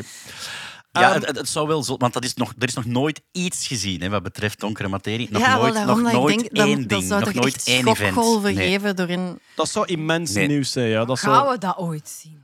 Ja, maar het- we hebben de zwaartekrachtsgolven voor het Ja, eerst gezien. Ja, Ook, ja, dat, dus, ja. ik was daar Ja, ook aan het denken. Het ding is dat we met een onverklaard fenomeen zitten. Hè. Die, die sterrenbewegingen die daar niet Ja. overeenstemmen eh, met Maar de zwaartekracht. inderdaad, Die als, dat we... als je gaat denken... Ik vind dat een beetje creepy om te denken dat 5% van het universum, eigenlijk alles wat we zien, dat dat, dat, dat maar gewoon de ma- normale ja, materie Zeker is. als Dus- je, als je als fysicus zo dat standaardmodel te zien, maar niet alleen als fysicus, maar dat standaardmodel, dat ziet eruit van, kijk eens, wat een mooie rijke blokkendoos.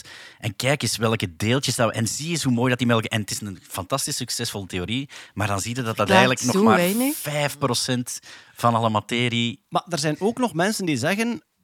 Er is geen donkere materie, we moeten onze De zwaartekracht We aanpassen. moeten onze mechanica, onze Newtoniaanse mechanica aanpassen, bijvoorbeeld. En allee, het, ehm, vroeger merkten ze dat ehm, de, de baan van Mercurius rond de zon dat die niet klopte met onze zwaartekrachtswetten. En achteraf is die verklaard door de relativiteitstheorie. Ja. Omdat die dichter in dat zwaartekrachtsveld van de zon zit, was die aanpassing er en klopte dat wel. Misschien is het weer zoiets. En daar wordt ook op gewerkt. Er zijn ook nog mensen die zeggen, Ja, ja. ik ga nieuwe theorieën zoeken waardoor dat die bewegingen verklaard worden zonder die uh, Die zitten in die bergen dan, die mensen. Eh, nee, die, dat zijn theoretici, die verplaatsen zich niet. Die zitten, In kelders. In spreekwoordelijke bergen. ja, die zitten Ja. stoffig in een stoel online nieuwe potloden te bestellen. Dat Oh, is, pas eh, op, ook in een donker kotsen. Maar Ja, eh, dat wel, Er dat alleen wel. een berg over. Nee. Ehm, een van de unieke dingen aan deze, ehm, aan deze detector is, is het dus 2,3 kilometer onder het oppervlak, maar je kan er met de bus naartoe rijden. Ah. De, de in, dus hij zit echt in een berg. Dus wat dat wil zeggen, je moet geen 2,3 kilometer naar beneden. Ah, er ligt 2,3 kilometer op. Ja, Oh. dus je hebt gewoon een tunnel die waarschijnlijk licht zal afhellen, maar die naar schuin naar beneden gaat. En de tunnel daar naartoe en de hellingsgraad is van die aard dat je er met een camion tot daar kunt rijden. Ja. Wat dat bijvoorbeeld bij de Large Hadron Collider in CERN absoluut niet het geval is. Ze moeten echt via zo'n enorme, ehm, een enorm zinkgat van 100 Ja. meter hoog dingen naar beneden laten. En zij kunnen er gewoon naartoe rijden, dingen afzetten en eigenlijk in elkaar steken. Ehm, ja, het is een voorbeeld van eh, echt ehm, eh, topwetenschappelijk onderzoek in China. Het deed mij denken aan een podcast die ik de voorbije maand beluisterd heb. Die heet De Man en de Maan. En dat gaat over een eh, Nederlandse onderzoeker die een bepaald soort radioantenne ontwikkeld heeft. En die vraagt van, kan ik mee naar de ruimte met iemand? En op een bepaald moment gaat Willem-Alexander op handelsmissie naar China. En ehm, daar krijgt hij het nieuws van, ah ja, wij gaan eigenlijk toevallig naar de achterkant van de maan. Die antenne kan wel mee. En vanaf daar krijg je het enorm intrigerende verhaal van een Nederlander met de culturele Nederlandse blik van ik ben een gedreven onderzoeker en ehm, ik wil graag dingen samen doen. En die komt terecht in een Chinees team waar compleet andere sociale codes spelen, waar compleet andere hiërarchieën en, en ook qua verborgen politiek meespeelt. En ehm, hij is heel goed gemaakt. Dus een het paar is- jaar oud al, hè? ja, maar het is echt een aanrader. Dat de, doet mij een beetje de man denken. en de maan. Wij, wij hebben een prof gehad, ik ben zijn naam volledig kwijt, die dus in de fysica-richting, die tegen ons vertelde, ik, heb, ik ben net eh, nauwelijks een maand gaan meedraaien op een Chinees project. Ik ben compleet bek af. ik dacht dat ik hard werkte. Ah ja, Dat is daar qua ja, werkethiek. Zou best Maar kunnen, goed, ja. dat, dat, dat, dat weten we ook wel een beetje. En wel, wat bij de man en de maan ook begint mee te spelen op een bepaald moment, is dat lanceringen gebeuren vanaf een militaire basis. Ah ja. En ze vinden dat niet zo tof dat er drie Europeanen rondlopen op een Chinese militaire basis. En dus dat krijg je daar weer van alles. Dat ze daar, eh. Maar goed, ehm, ja, ik kan niet te veel zeggen en niet te veel spoilen. Goed, we gaan terug naar de ruimte. Els, in het ISS is een tomaat gevonden. Ja, ja, en daar waren ze al heel lang achter aan het zoeken. Naar die specifieke tomaat of algemeen een tomaat? Eh, beide eigenlijk. Eh, het is namelijk zo, eh, Frank Rubio, de astronaut die het langst ooit aaneensluitend in de ruimte is gebleven, ehm, die was op een gegeven moment bezig, zijn blijkbaar in het ISS proberen ze tomaten te kweken. Ah ja, juist. Ruimtetomaten, zonder aarde, Space zonder... tomatoes. Voilà, voilà. Die, moeten, die astronauten moeten ieder om beurt die tomaten een beetje behandelen, zoals dat dan heet. Hè. Ehm, en, en als die op een bepaald punt moeten die uiteraard ook geplukt worden, moeten die in een zakje gestoken worden en moeten die tegen de muur bevestigd worden. Oké, En hij had die blijkbaar niet goed tegen de muur bevestigd. En die tomaat was verdwenen. wat? Ja, dus eh, een heel klein kersttomaatje in een zakje Volgens mij is het Alberto geweest. Wat denk je? was weg. Samson en Gert in de ruimte. Ja, maar zo. Mogertje, nu is die tomaat hier helemaal van die muur verdwenen zo. Maar Ten eerste is het zero, G. en ten tweede, ja, ik heb die tomaat opgegeten. Wel, dat was dus heel de joke. Hè? Dus die tomaat was weg en al die astronauten zeiden... Frank, geef nu toe, je hebt die gewoon opgegeten. Wat dus absoluut niet mocht. Want ze mochten wel die tomaten, degenen die eraan gewerkt hadden, mochten op een gegeven moment die tomaten hebben. Maar ze mochten die niet opeten. Want er was een kans van schimmelbesmetting, zoiets achtig. Ze mochten die niet opeten. En dus die, de, de, running joke in het ISS was blijkbaar... De Frank heeft zijn tomaat opgegeten. dat bestaat niet, dat die weg is. Die heeft die gewoon opgegeten. Dat is echt een werkplek als een ander ook. Ja. Die, die Frank die komt 's morgens op van de zenuwen als dat hier nou weer over die tomaat gaat. Hè. Even af. Die heeft daar acht maand lang elk vrij moment wat- naar die tomaat gezocht. Geen tomaat te vinden. Die moet op een gegeven moment terug richting aarde vertrekken. Laat dus het ISS en zijn tomaat, dat hem heel goed weet dat hij hem niet heeft opgegeten, laat die achter. Nu was er onlangs een, eh, een persconferentie uit het ISS, waar er werden een paar vraagjes gesteld. En op een gegeven moment zeggen ze wordt er een vraag gesteld en die schieten dus allemaal in de lach en die zeggen, weet je wat dat wij gevonden hebben? We hebben Frank zijn tomat gevonden. en die zag er dus eh, ja, die zag er, die zag er zo zo uit. florissant. Oh, zongedroogd. Bijna niet meer herkenbaar als een tomaat. Space dry tomato. Effectief in een zakje, Och. maar dus niet goed bevestigd tegen de muur. En Ah. dus Zo jammer eh, dat dat niet tijdens Obama zijn legislatuur was, dat hij kon naar voren stappen en zeggen Ladies and gentlemen, we've We got gaan him. Er is ook nog zo'n zakje met zo vervallen garnalen en mayonaise gevonden. Voilà. Frankse tomaat is teruggevonden. Ik voel een soort bluesnummer. Maar het eh, ding is ook, als je ze dat ziet zeggen, je ziet echt, dat zijn zo zes mensen die zo'n beetje proberen informatie te zweven voor de camera. En eentje probeert dat te zeggen en die moet, zijn echt alle drie gewoon weg van de slappe lach. En die Frank zit thuis. Ik had het ze gezegd. Wie lacht er nu? Wie lacht er nu met de tomaat? Enfin, de tomaat is teruggevonden. Yes. Oké. Er is nog iets teruggevonden, enfin, hoogstwaarschijnlijk, en dat is het vliegtuig van Amelia Earhart. Ah. Amelia Earhart, eh, vliegtuigpionier. We spreken over vroege 20e eeuw. Onder andere ehm, als eerste vrouwelijke piloot de Atlantische Oceaan overgestoken. Solo, hè? Ja, inderdaad. Maar was eh, verliefd op het avontuur en op het vliegtuig. En zij was bezig aan een wereldreis. En ik denk in de buurt van Australië of Nieuw-Zeeland moest ze op een bepaald moment een etappe afleggen naar een klein eiland, waar dat een denk, militaire eh, ja, vliegbasis was, waar ze kon gaan landen. Ehm, en zij is in zwaar weer terechtgekomen samen met haar navigator die ze mee had. Ehm, en eh, ja, er zijn verslagen van het, radio, eh, het radiosignaal was compleet verstoord. Dus die man die de radio aan het, aan het bedienen was aan de grond, die hoorde flarden. Maar die hoorden ook aan hun reactie dat ze hem niet hoorden. En dus na een tijdje is dat weggevallen. En vanaf dan weten ze niks meer over Amelia Earhart. Zij had ook maar genoeg brandstof om tot daar te geraken. Dus als ze te lang moest zoeken, zou die brandstof opgeraakt zijn. Dan zijn er een hele hoop verhalen. Mensen die zeggen, we hebben haar gezien op dat eiland. We hebben haar gezien bij die stam die, eh, waar ze ofwel gevangen genomen is of nu mee samenleeft. Heel veel dingen. Maar er, is nu een, ehm, ja, er zijn nu sporen gezien op de zeebodem die een vliegtuigvorm hebben van de maar heb juiste jij die afmeting. foto gezien? Zit jij daar een vliegtuig in? Mensen die er veel van kennen. Als ze zeggen, kijk daar, een vliegtuig, en je doet zo je ogen een beetje in spleetjes. Nee, maar eh, het klopt wat je zegt. Eh, het is niet 100% bevestigd. Nee, hè. Er zijn mensen die zeggen van ja, dat zal wel, maar het ligt wel op exact de juiste plaats. Ja, ja, ja. Het ligt op exact de juiste pla- juiste plaats, het heeft de juiste grootte, enzovoort, enzovoort. Ehm, ik denk niet dat dat visuele foto's zijn, hè. Zijn het niet, waren het geen sonarbeelden? Maar ja, dan nog. Je ziet zo wat strepen gelijk op een echo zitten. Kijk, eh, het hartje van Ja. je baby klopt. Ja. Sorry, wat dan met een gynaecoloog zie op een echo en wat Ja, dat ik dat zie op is een waar. echo, dat zijn twee heel verschillende Dat dingen. is hè. Kijk, hier is uw kind. Ja, mooi zeg. eh, woehoe. Je ziet, zo, je ziet zo wat ruis van tussen twee posten. Amai zeg, naar Rosten, proficiat. Maar het ziet er wel vliegtuigig uit. Ja, ja, ja. Toon het eens, toon het eens Bart, Ik, eh, ik heb het al zo lang... Ik zie er met een beetje goodwill wel een vliegtuig. Ja, Maar willen we het Of niet te een graag zien? orka, Dat is of een boot. Of...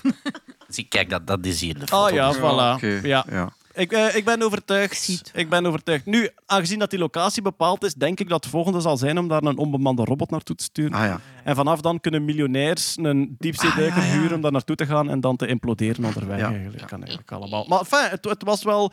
Ik had wel zoiets van, oh, de legende. Ja. De legende leeft. Het vliegtuig van Amelia Earhart zou kunnen zotjes eh, gevonden zijn. Dat zou mega zot zijn. Ja, Ja. inderdaad. Oké, genoeg lol. Over naar de insecten. Peter, Nieuwe legende. ja, de cicaden in Amerika, we hebben het er al af en toe over gehad, die hebben heel vaak een cyclus van meerdere jaar. De 11, meikever, 11, 13, 17. Voilà, de meikever heeft een driejarige Ja. cyclus. De cicaden 11 jaar, 13 jaar en 17. Niet toevallig priemgetallen. Mhm. Want dat wil zeggen dat als je een roofdier, een roofinsect hebt dat op je zit, en dat heeft ook een meerjarige cyclus, als je een priemgetal hebt, heb je minder kans Dat je die nooit tegenkomt. Dat Dat, je je die cyclus, dat je cyclus synchroniseert. hè. Inderdaad. Als je zesjarig bent en je roofdier is, is tweejarig, dan kom je die om de zes jaar opnieuw tegen. Ja. En bij een priemgetal heb je dat niet. Prachtig eigenlijk. Oh. Ja. Zeker. Damn, nature. Ja, Ja. ja. En dus gedaan, er zijn 11, 13 en 17-jarige cicaden Ja. die ook in verschillende gebieden in verschillende jaren uitkomen. Ja, en die hebben allemaal een nummer. Je hebt Brood 10, Brood eh 12, eh, Ja. Afhankelijk van de plaats en het tijdstip waarin ze ehm, uitkomen. Hè. Ja. Ja. Eh, en natuurlijk een, eh, een van die generaties die heel succesvol zijn, die kunnen 17 jaar later dan weer massaal uitkomen. En 17 jaar, dus als vanzelf ontstaan er, gelijk ja, meikevers, je hebt er ook elk jaar, maar sommige jaren heb je er meer. De succesvolle generaties die gaan dan om, hun, om de zoveel jaar ook massaal uitkomen. En nu wordt er gezegd dat er een grote succesvolle 13-jarige en een grote succesvolle 17-jarige populatie Ja. dit jaar tegelijk gaan uitkomen. Ja, en dat zouden Broed 13 en, nu moet ik even te goed kijken, en Broed 19 zijn. Als ik mij niet vergis. Broed 19, Broed 19. maar het is toch maar 17-jarig? Nee, nee, die hebben gewoon een volgorde van... ehm, ze zijn begonnen met Broed 1. En dan, Ah, zo, ja. hè, en dan de opeenvolgende jaren dat die uitkomen, Ja, er is ergens een entomoloog die daar gewoon een sequentie van gemaakt heeft. Maar is het zo dat die 13-jarigen en die 17-jarigen nu tegelijk gaan uitkomen? Wordt Ja, Amerika- waarschijnlijk. Ze vermoeden dat. Hè. Ja. Dus Amerika zou deze zomer kunnen over of sommige streken ja, ja, ja. ja. overspoeld worden ja. door twee. En als, die, en als die gebieden, en ik heb het nu niet echt zo in detail bekeken, maar als die gebieden een beetje overlappen, dus daar waar die een overlap is, zou je dan echt wel een explosie van insecten kunnen krijgen. Ja. Gewoon heel de, heel de zomermaanden een geschreeuw van... Ja, het is, het is een maand of twee En maanden. welke gebieden zijn dat juist? Het is meestal in het noordwest. eh, wacht, in het noordoosten van eh, de Verenigde Staten. Florida, Zo tot dat er? Nee, eerder Eh, het is hoger. Het is Waarom hoger. Ga je op reis, je aan die Hetty? vakantie? Ah, ja. Ja, het is hoger. Illinois, denk ik dat erbij zit. Ja, ga naar Cape Canaveral. Illinois, ja. Hier. Alabama, Arkansas, Georgia, Indiana, Dat is wel zo. Illinois, Kentucky, Louisiana is zuidelijk dan. Ja, inderdaad. Het is goed. maar dus, eh, je hebt een 13-jarig Ook andere, Je hebt een 13-jarig en een 17-jarige massale uitkomst. Dat wil zeggen dat die pas om de 221 jaar tegelijk uitkomen. En dat is ook weer het wonder van die priemgetallen. Ah ja, Omdat ja, hun, hun eh, kleinste gemeen veelvoud is dat dan zeker, is Ja. hun product Ja, gewoon. dat is, Ja, ja. Ja, voilà. Maar dat wil ook zeggen dat je als soort toch... Want het is dezelfde soort. Eh, dit kunnen, het, eh, kunnen, ik geloof dat er drie of vier Maar dat soorten wil zijn. eigenlijk Ja. zeggen dat je bijna niet kunt uitsterven als je... Hè, want je komt Ja. bijna nooit gemeenschappelijk naar buiten. Dus dat het is is, al... dus het is bijna dat is- nooit gemeenschappelijk dat je overspoeld wordt door predatoren. Ja, Ja. inderdaad. Ja.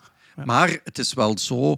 eh, eh, strength in numbers. Hè? Dus het zijn er enorm veel die dan uitkomen. Dus die Mhm. zitten, pakt 17 jaar in het geval van die soort, dan 17 jaar als larve, als nymf onder de grond. En Ja. dan komen die massaal in één keer uit. Die volwassenen zitten daar een maand, misschien twee maanden.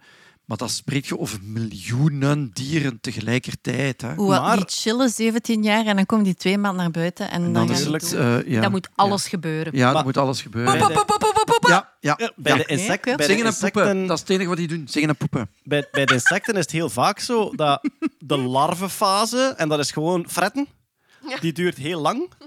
En de fase van rondvliegen en poepen, die is heel kort. Oh, dat klinkt toch als het beste lief ooit, niet? 17 jaar een beetje slapen, een beetje fritten, dan gewoon poepen en doodgaan. Ja. Twee maanden naar die pizza en dan dood. Wauw, count me in. Maar ook alweer, Peter, die massale uitkomst, door het feit dat die pas 13-jarig opnieuw komt, Ja. is ook weer een manier om dat natuurlijk evenwicht. Normaal gezien, als je met heel veel prooidieren bent, Ja, ja, ja. ontstaan er veel predatoren en wordt dat Natuurlijk. in evenwicht gezet. Ja. Maar nu, in dat ene massale jaar, doen de predatoren die fretten over een buik vol. Het volgend jaar zijn die met heel veel en zeggen ze, waar zijn die? Nee. Ja. Het jaar erop zijn ze er nog niet en dan En, nog niet en, en dan je nog krijgt, niet. en je krijgt nooit zoveel predatoren dat die, dat, die in ene golf Ja.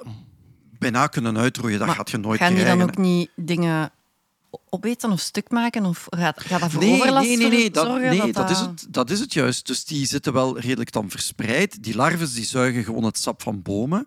Die zitten dus onder de grond op de wortels.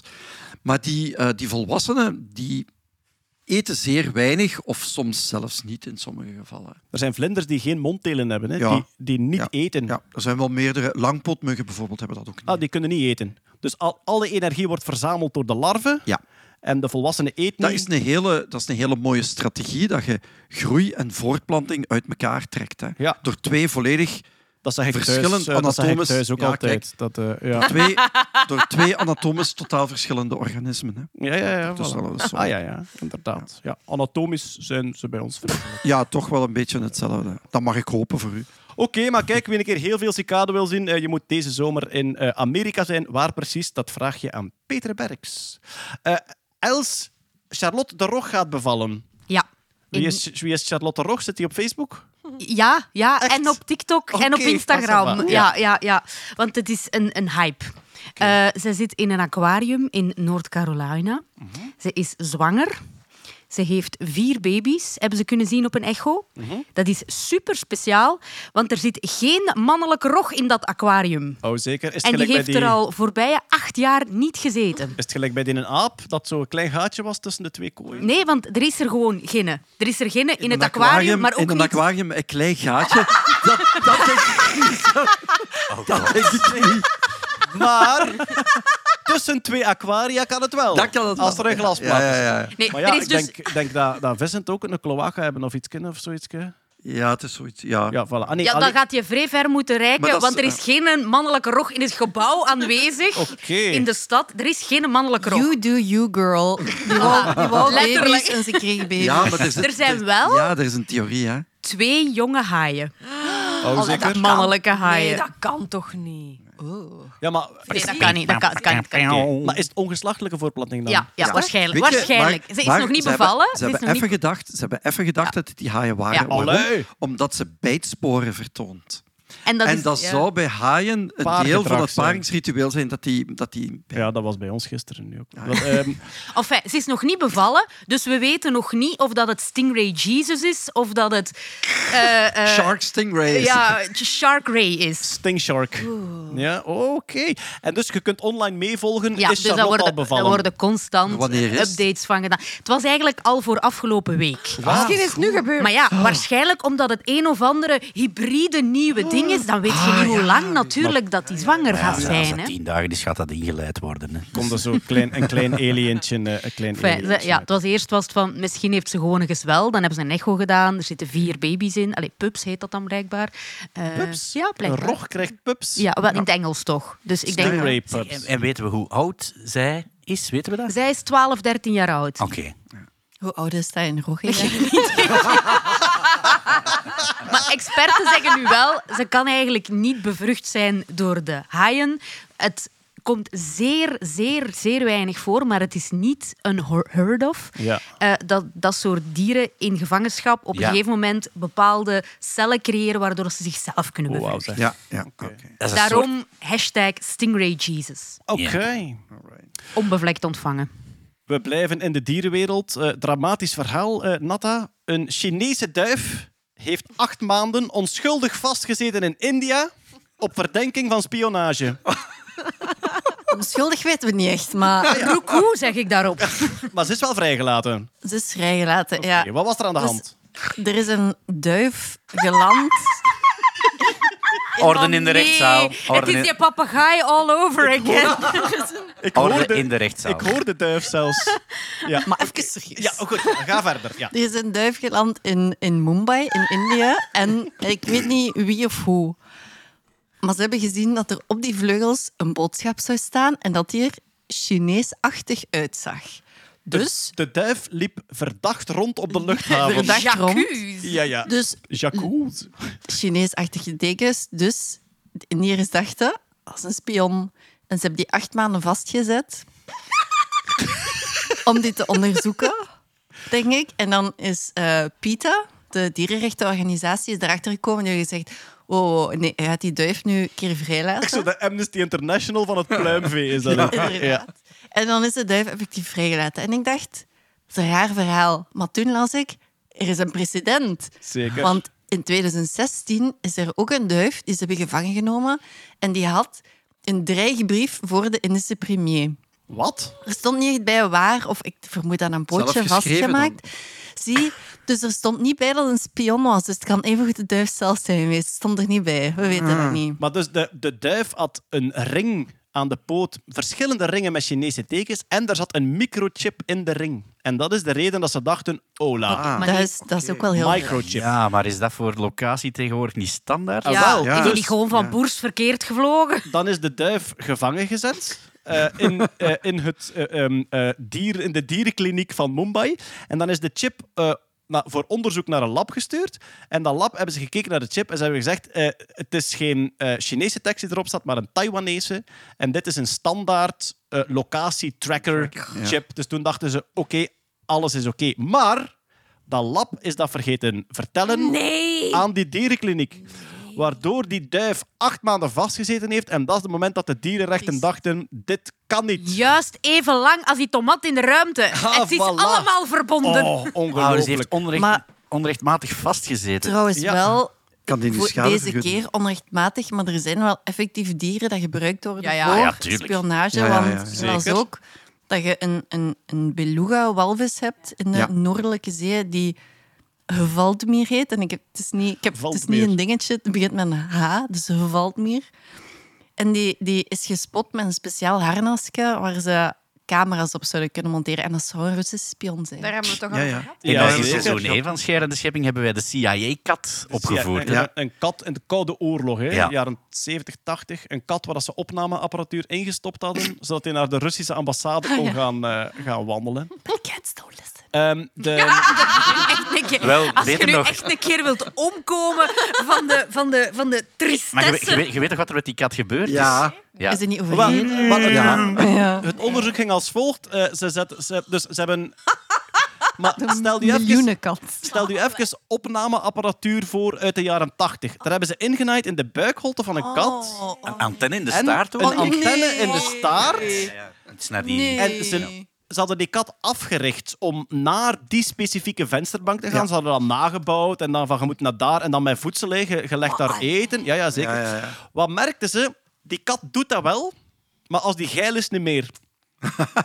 En dan hebben ze het centrum gevonden van de seksuele stimulans in de hersenen. En met een elektrode hebben ze dat uitgeschakeld. Maar fijn. Maar En dan, als die kat af was, hebben ze die losgelaten. En toen kwam er een taxi voorbij en was het beest dood. maar die, is, die is gewoon uit eigen wil een ritax. Ja, dat zou eigenlijk ook wel kunnen. Eh, maar duiven in de oorlog. Ehm, Ah ja. eh, het De is, raketgeleiders ook. Hè. Ja. Show ook. ja, maar In- tot, ik denk tot 20 jaar geleden was het verboden voor buitenlanders om duiven te houden in België. En dat was een overblijfsel van Wereldoorlog 1.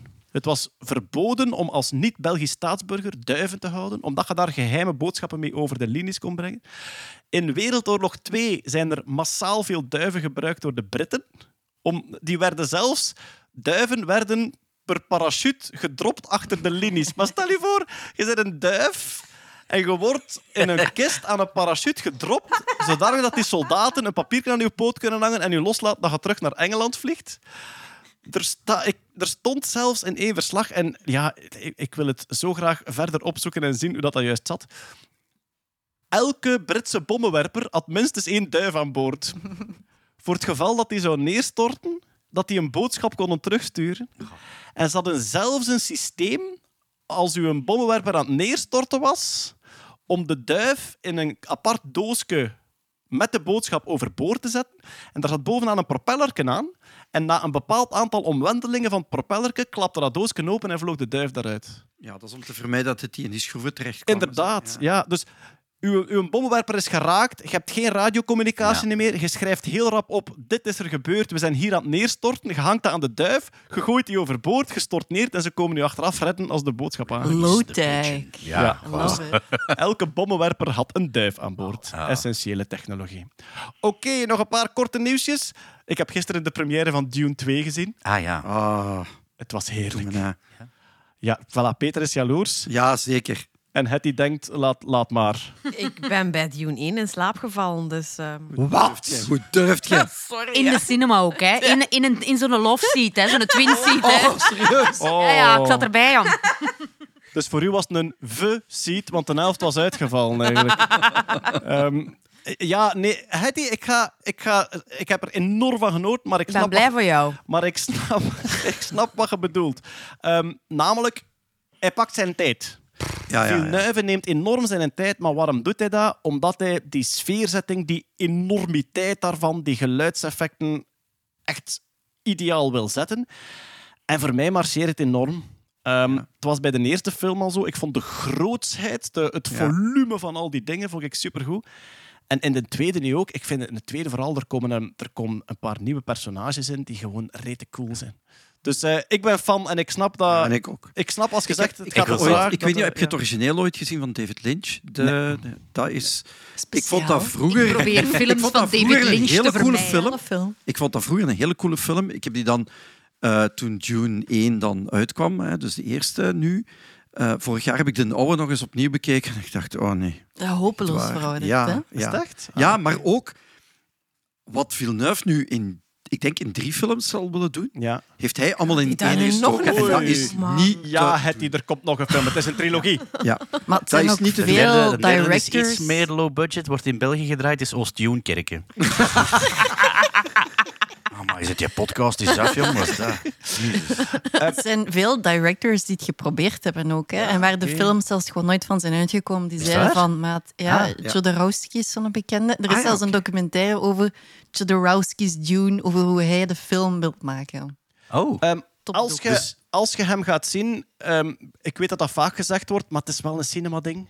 Geluidseffect, grote. Ja. Als je hem thuis ziet, wat, dat, wat ik ben iemand die heel slecht het in de cinema geraakt. Als je hem thuis ziet, geluid is belangrijk. Ja. Ja. Eigenlijk moet je dus als Hetty koptelefoon naast u ligt te snurken, dan is het kapot. Ja, Nee, als je hem thuis ziet, moet je hem met een koptelefoon. ik was in Maar- de eerste teleurgesteld door zo het, eh, het blauwe oogjes-effect. Ik dacht, allee, de rest van die film, dat is veel neuve. Dat is nu... Ah, ja. Hey, dat zit qua DOP en dat, zit, dat is zot mooi. Ik, ik hou van, eh, van zijn stijl. En, en in Dune doet hem iets anders dan wat ik bijvoorbeeld in Arrival en in zijn remake van... eh, van eh, zeg het eens, Blade Runner gedaan heeft. Ah, ja, ja. Dat, was, dat vond ik visueel zo Ja, enorm ja, knap. oh.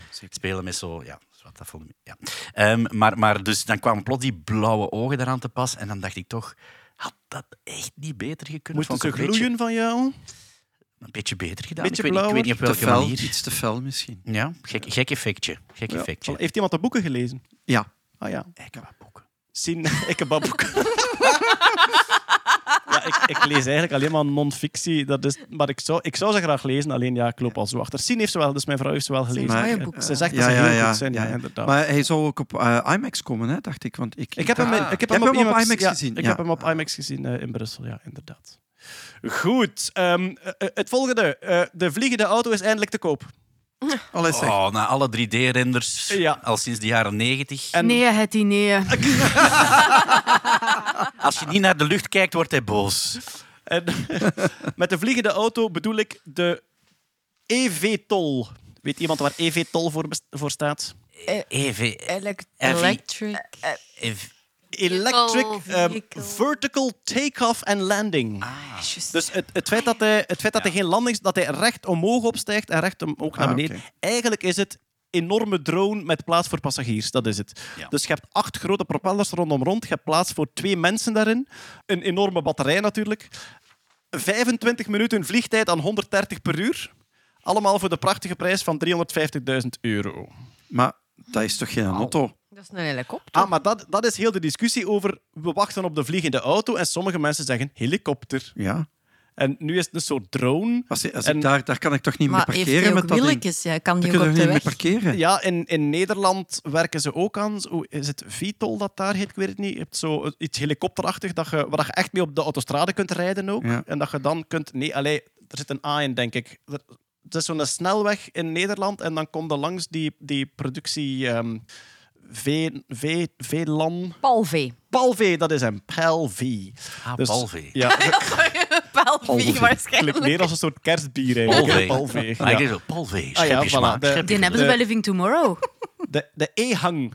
Het is, het is, Ik weet, allee, omdat wij het daar toevallig hebben opgenomen, bij Living Tomorrow, dus In het Huis voor de? Toekomst, ja, hebben ze een soort drone waar je kunt inzitten. Ah. Die dus, maar ik denk wel dat het een andere Maar is. die Palvee rijdt wel. Palvee Ah kunnen nee, mee- dit is, nee, dit is Maar- echt alleen maar voor... Met ja. Zeg maar, voor Met- 350.000 euro koopt ook gewoon 100 eh appelbrillen. Hè? Ah ja, kijk. Of een huis. Ja. Of een eh, fractie van een fractie van eh, ehm, eh, Sam Altman zijn, Ja. zijn fabriek. Ja, die Pelvi die mag rijden op de snelweg, en, maar je hebt, wel een, je hebt wel een luchthaven nodig om te kunnen opstijgen. De E-hang, dus, dat, dat is het merk, de E-hang, die zou echt te koop zijn voor 350.000 dollar. Ik denk zelfs dat die autonoom kan vliegen, dus dat je niet moet sturen, dat je gewoon kunt zeggen, vlieg deze route. En zij mikken in de eerste plaats op toeristische ritjes. Dat je zegt van kijk, voor 500 euro krijg je een dronerit over Shanghai bijvoorbeeld. En dat je er zo op termijn wel uitgeraakt. Als Of je er veel 1000 woorden. Voilà. Ja. Als je er 1000 of 2000 eh, verkocht hebt. Vanaf april te koop voor 350.000 euro. Laat ons weten als je er eentje plant te bestellen. Eh, E-hang. En ehm, eh, eh, nog autonieuws. In de BMW-fabriek gebruiken ze humanoid robots. En dan bedoel ik armen en benen. Het gaat om de Figure One. Figure is een van de robotica-bedrijven die net zoals Tesla een, een humanoid armen- en benenrobot willen ontwikkelen die echt kan helpen op de werkplek. En ze hebben ook eentje die kan rondstappen, evenwicht bewaart, enzovoort, enzovoort. Ehm, eh, BMW heeft er nu een paar in gebruik in de fabrieken. En hun taak wordt omschreven, proberen uitzoeken waar ze nuttig kunnen zijn. Ja, dat is eigenlijk BMW te voeten uit. Ik moet zeggen, met die mentaliteit kan hij ook op de VRT gaan werken. Nee, dat zeg nu zelf. Ze worden gebruikt om pinkers te installeren. Allee. Dat, dat was... En ze werken nog niemand tijd. geeft niet. Niemand heeft het gemerkt tot nu toe. Ehm, Proberen BMW sympathiek te maken. Het die amuseert zich kostelijk. Ehm, eh, ja, maar dus, dus effectief, ze zijn nu in gebruik genomen gewoon om te testen, kunnen we hier iets mee? dat is... eh, maar Figure, Oh ja. One, eh, Figure One is Wacht. heel... ja, Figure One Wacht, is... en, wa- het, is, het is gewoon... eh, wat, wat kan die eigenlijk allemaal? Kan, die kan heeft die- heeft stappen, die- hij kan rondstappen, dingen vastpakken, dingen verzetten. Ja. Dat is wat hij eigenlijk kan. Oké. Ja, voilà. Oké. All right. Ik wil graag een rubriek testen. Oké. Het is een korte rubriek. En heeft hij al een jingle? Nee. Hij heet Eindelijk. Oké. En het gaat over dingen die eindelijk kunnen of die we eindelijk weten. Zijn jullie klaar? Eindelijk, eindelijk, eindelijk. Start. We weten eindelijk hoe walvissen zingen. Yay. Hoe? Ja, hoe ja. Eh, walvissen hebben een aangepast strottenhoofd, omdat door de grote waterdruk onder water eh, kan dat eh, ons strottenhoofd zo dichtgeknepen worden bij die druk. Dus dat is volledig aangepast, dat is heel lang geworden. En het strottenhoofd, waar onze stembanden zitten, is langwerpig U-vormig.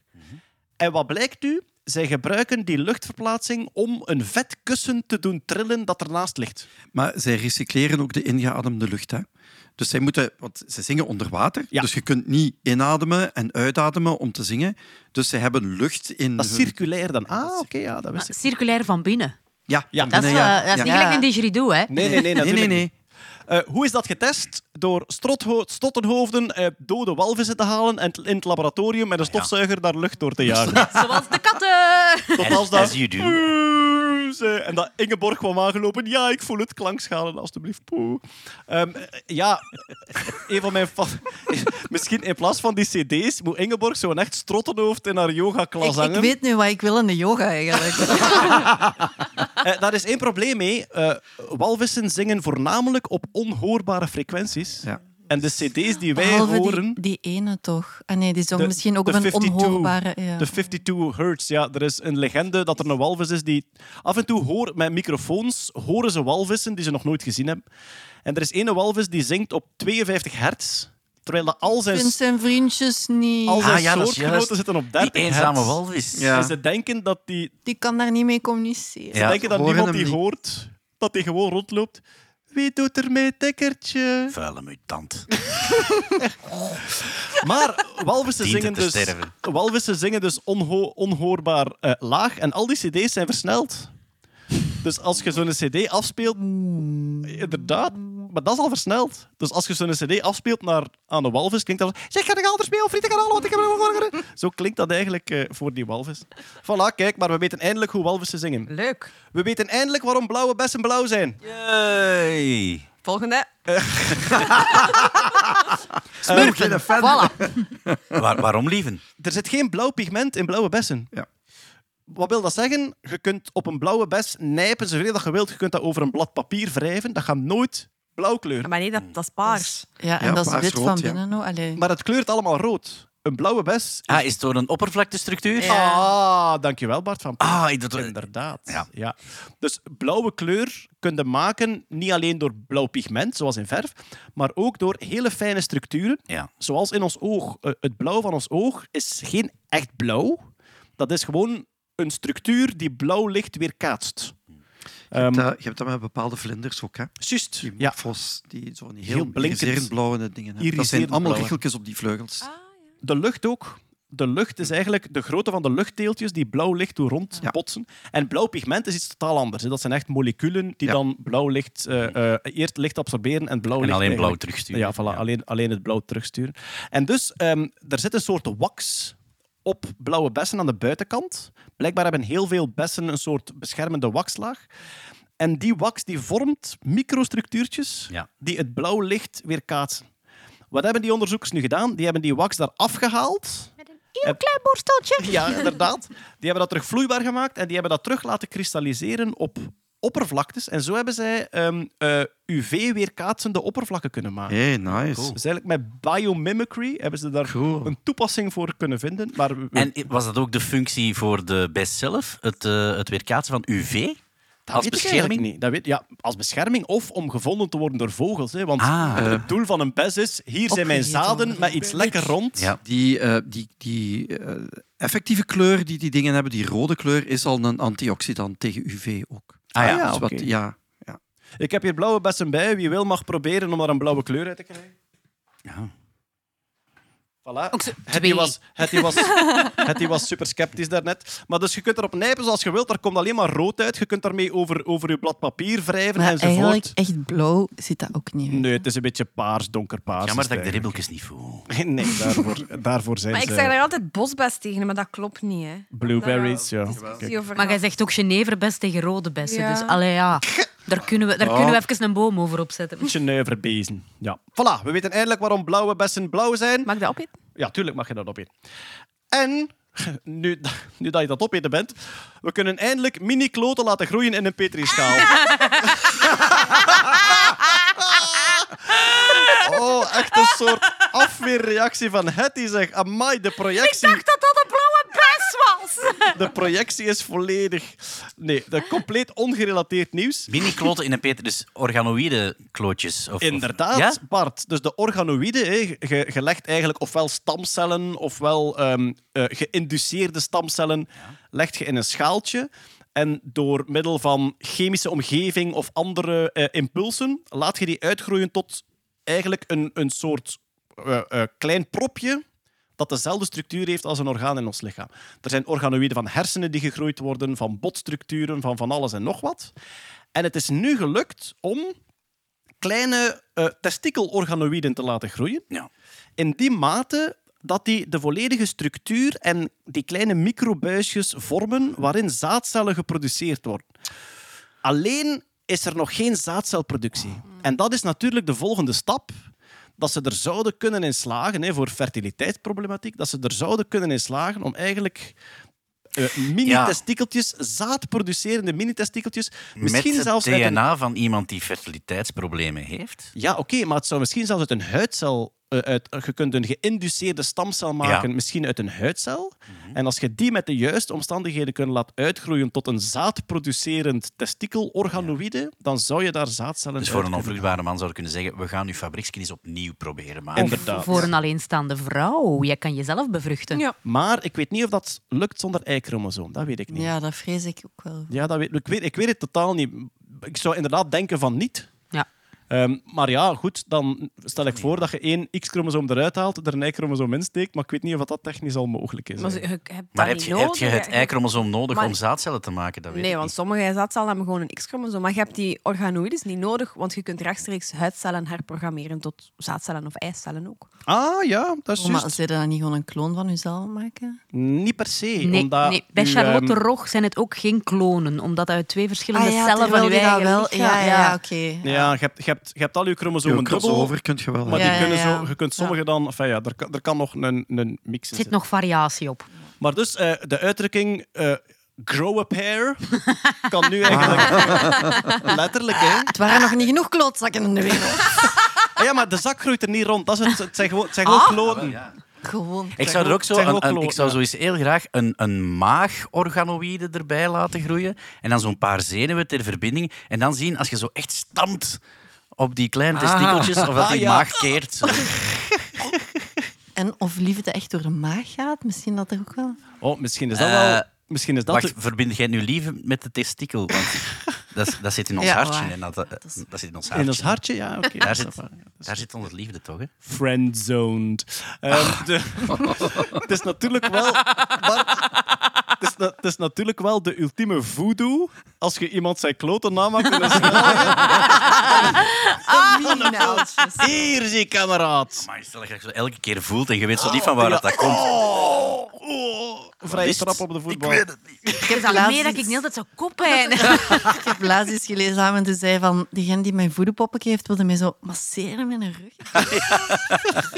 That would be great. Ja, Voilà, dat waren al onze onderwerpen Leuke voor rubriek, deze maand. Ah, Ja. De rubriek eindelijk. Ja. Ja, de, direct naar trash voor een jingle, hè. Ah, voilà, we gaan, we gaan zien of er volgende week ook weer eindelijk nieuws is. Maar meestal is er wel Volgende iets... eh, maand. eind- volgende maand. Eindelijk. eindelijk, eindelijk. Enkele aankondigingen die we nog kunnen doen. Ehm, de inschrijvingen voor Coolest Projects lopen nog tot 1 april. Coolest Projects, we hebben het al een paar keer uitgelegd, denk ik. Eh, vooral eh, lagere school en middelbare school. Eh, bouwprojectjes, makerprojectjes. Je hebt een uitvinding, je wilt een robotje bouwen. Ik herinner mij dat er iemand was uit een lagere school en die had een ehm, eh, wc-papier brengenrobot gebouwd. Dus volledig uit Lego met een eigen afstandsbediening. Oh, cool. En dan kon de als je op het wc zat en het was op. En dus Coolest Projects eh, wil eigenlijk zeggen, je dient zo'n project in, individueel of met een klas. Je zegt, wij willen dit bouwen. En dan komt je naar Technopolis. Ik denk dat dat in mei, april of mei is. Nee, het zal eind mei zijn, denk ik, in Technopolis. Iemand van ons gaat in de jury zitten ook. Van, eh, Ja. Natta, zit jij in de jury? Ja. Super cool. Ehm, en dus bijvoorbeeld, ehm, eh, die jongen die toen de wc-rolrobot gebouwd had, ja, die had dan echt zo een toiletpot uit een IKEA mee. En die ging dan echt gaan demonstreren van kijk, ik zit hier en ik heb hier mijn afstandsbediening. Oh nee, het wc-papier is op. En dan duwt hij op de knopjes en komt dat Lego-robotje aangereden en reikt hem ook die, dat wc-papier. Ik vraag me nu wel af hoe dat hij de rol hangt. Ah, met, Ah. met flapje naar de muur, het flapje Ja. aan de andere Je kant. bedoelt juist of fout. En voilà. Daar ga ik streng op jureren op. Ja, voilà. Flapje weg van, weg van de muur. Weg van de Flapje Ja, weg ja, van de dank muur. u. Ja, toch, voilà, kijk, ja. 20 april staat er op de website. 20 april is Coolest Projects. En je kunt indienen tot 1 april.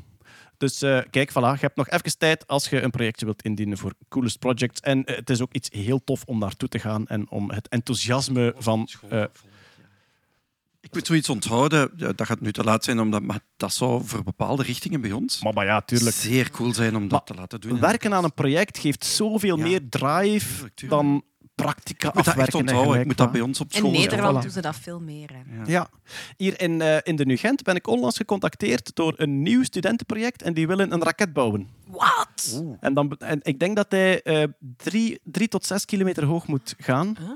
En dus dat is dan echt... Nu, je kunt... Mag ik mee? Eh, zeker, ja. In, in de raket bedoelde. ja. nee, liefst niet. Maar je mocht wel mee gaan kijken. De- de- het is, het is Laat een het nieuw... los, Hedy. Maar laat het niet los als je al zes kilometer hoog zit. Eh, ja, zo'n studentenproject dat begint te ontstaan. En dus ik ga binnenkort een keer langsgaan bij die, bij die groep die zelf een raket willen bouwen. Dat is blijkbaar ook een internationale competitie van studenten. We gaan een keer raketten in de lucht schieten tot, eh, tot eh, drie kilometer hoog. Als er, ik denk, denk niet in de buurt van een luchthaven, denk ik. Ik denk dat dat niet, Ah. niet toegestaan wordt. Oké, ehm, de ticketverkoop van het festival gaat van start op 5 maart. Ja, over twee dagen, alleen na deze release van de podcast. Eh, ja, ik, het wordt weer het weekend van het jaar, denk ik. Uiteraard, Voor ons allemaal. Tuurlijk. Eh, dit jaar op 24, 25 en 26 mei. Ik zeg er even bij, dat is het weekend na Pinksterweekend. We Ah, ja. hebben tot nu toe altijd al in Pinksterweekend gezeten. Nu is het het weekend nadien. Eh, ja, dat kan eh, voor sommigen. Sommigen zijn zo altijd weg met Pinksteren en dan kunnen ze nu misschien wel een keer komen. Ja, het is. eh, ik zou zeggen, surf gewoon naar de website nerdlandfestival.be, want het, het- we gaan het hier nog over hebben waarschijnlijk, maar het is een programma om duimen en vingers bij af te likken. Wat ik merk, het is nu onze derde editie, Nerdland Festival. Alles loopt zo, productioneel, en we kunnen ze nog zo'n extra laag toevoegen. En dat gaat echt wel voelen. En dat is super. Ah, is het eindelijk zover? Ik heb het vorig jaar gevraagd, maar toen is het niet opgepikt en niet in het programma. Dus Het komt er. de Nerdland saus. De open, sauce. Wacht, zijn ze serieus nu? Natuurlijk. Nee, dat is niet waar, hè? En in het Ik was aan het grappen. In het frietkot gaat het kunnen. open Nee. Ja. Wat? Bart, zijn jaar is goed. Ik dacht, ik zal hier mijn joke nog eens placeren. Nee, nee, nee maar zijn ze serieus? hè? ja, we zijn ermee bezig. Allee. Dat is mayonaise, ketchup, Oh, open sauce. Zeg, en, en krijgen we daar de sauscode van? Ja, het is open sauce, dus iedereen kan die Ah, ja, code feite, aanpassen. ja, dan moet je de sauscode wel, eh, wel er, geven. ja, we gaan een websiteje en de mensen kunnen... Ja, nee, is wel... Ah. Oh, wauw. Ik, ik kom toch... Voor de saus of voor de mop? Alle twee.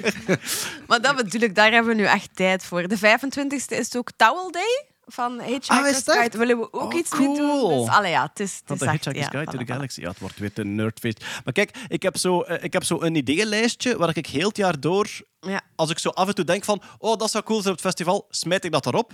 En Hetty en Toon, die kunnen daar ook op.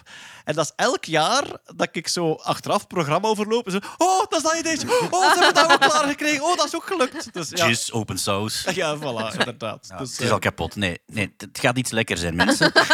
Voor op uw eten. Ja, voilà.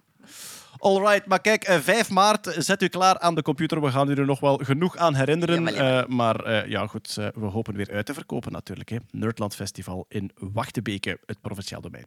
Eh, wij hebben ook nog een live podcast. Ja, we hebben er sowieso in in de Arenberg, maar die is uitverkocht. En we gaan er nog eentje doen op het FTI-festival. Eh, dus er is een groot wetenschaps- en technologiefestival in heel Vlaanderen, in de grote steden vooral, eh, Gent, Hasselt, Kortrijk, het FTI-festival. Eh, dat is de week die eindigt op 24 maart. En wij mogen die laatste dag zowaar in de Lotto Arena een live podcast doen. Dus wij gaan een beetje aansluitend op de thematiek van FTI. Dus eigenlijk, ja, het gaat hem over eh, eh, technologie en wetenschap in Vlaanderen. En vooral hoe dat wij vaak onderschatten hoe aanwezig dat wij zijn in de wereld. Veel te bescheiden. Uh, wel, maar bes- ik, vind bescheiden, Jawel. ik vind bescheiden niet slecht, maar je moet wel beseffen wat dat je hebt. Hè. Je kunt bescheiden zijn over wat dat je hebt, maar wel beseffen wat dat je hebt. Er komt een boek uit ook over FTI. Ik heb hem, ehm, ik heb hem gelezen op voorhand.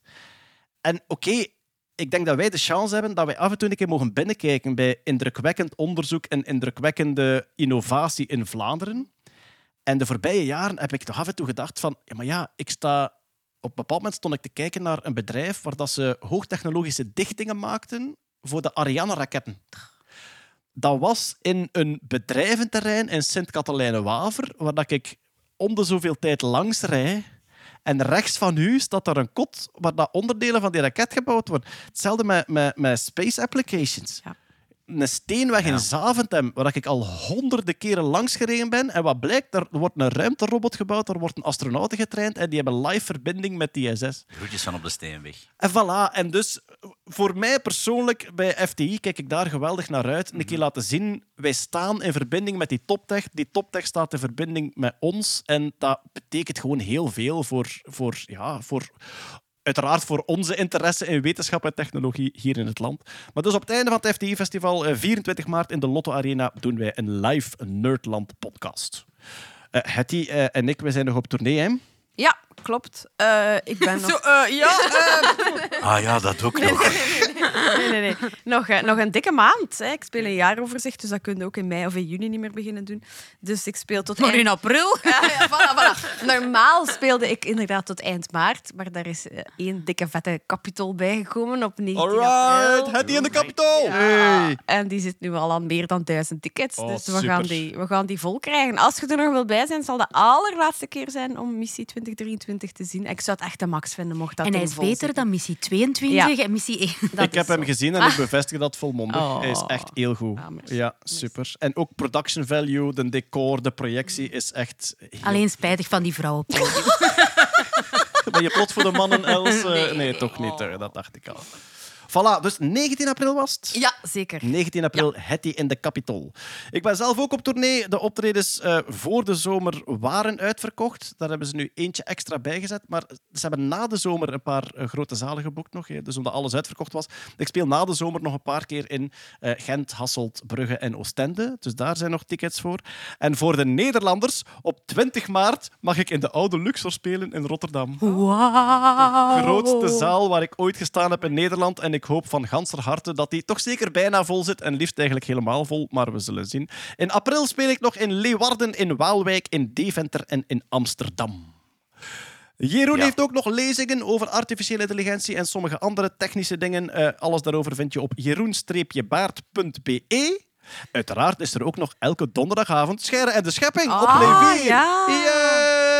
Eindelijk. Ja, voilà. eh Scherren en de Schepping elke week eh, eh, donderdagavond, ik denk dat het kwart over negen is, eh, is het eh, te zien op eh, eh, Play 4. En er is iets heel gek dit tv-seizoen.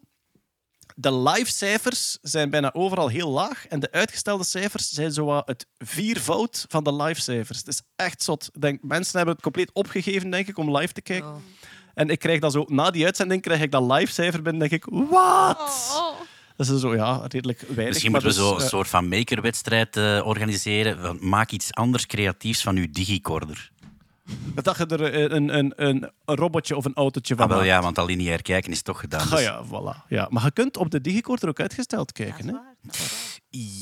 Ja, maar dat kan je op de apps ook. Dat is waar, op de apps en op de online. Gelijk waar je kijkt, kijk gewoon naar Scherren en de Schepping. Ing, ing, ing, ing.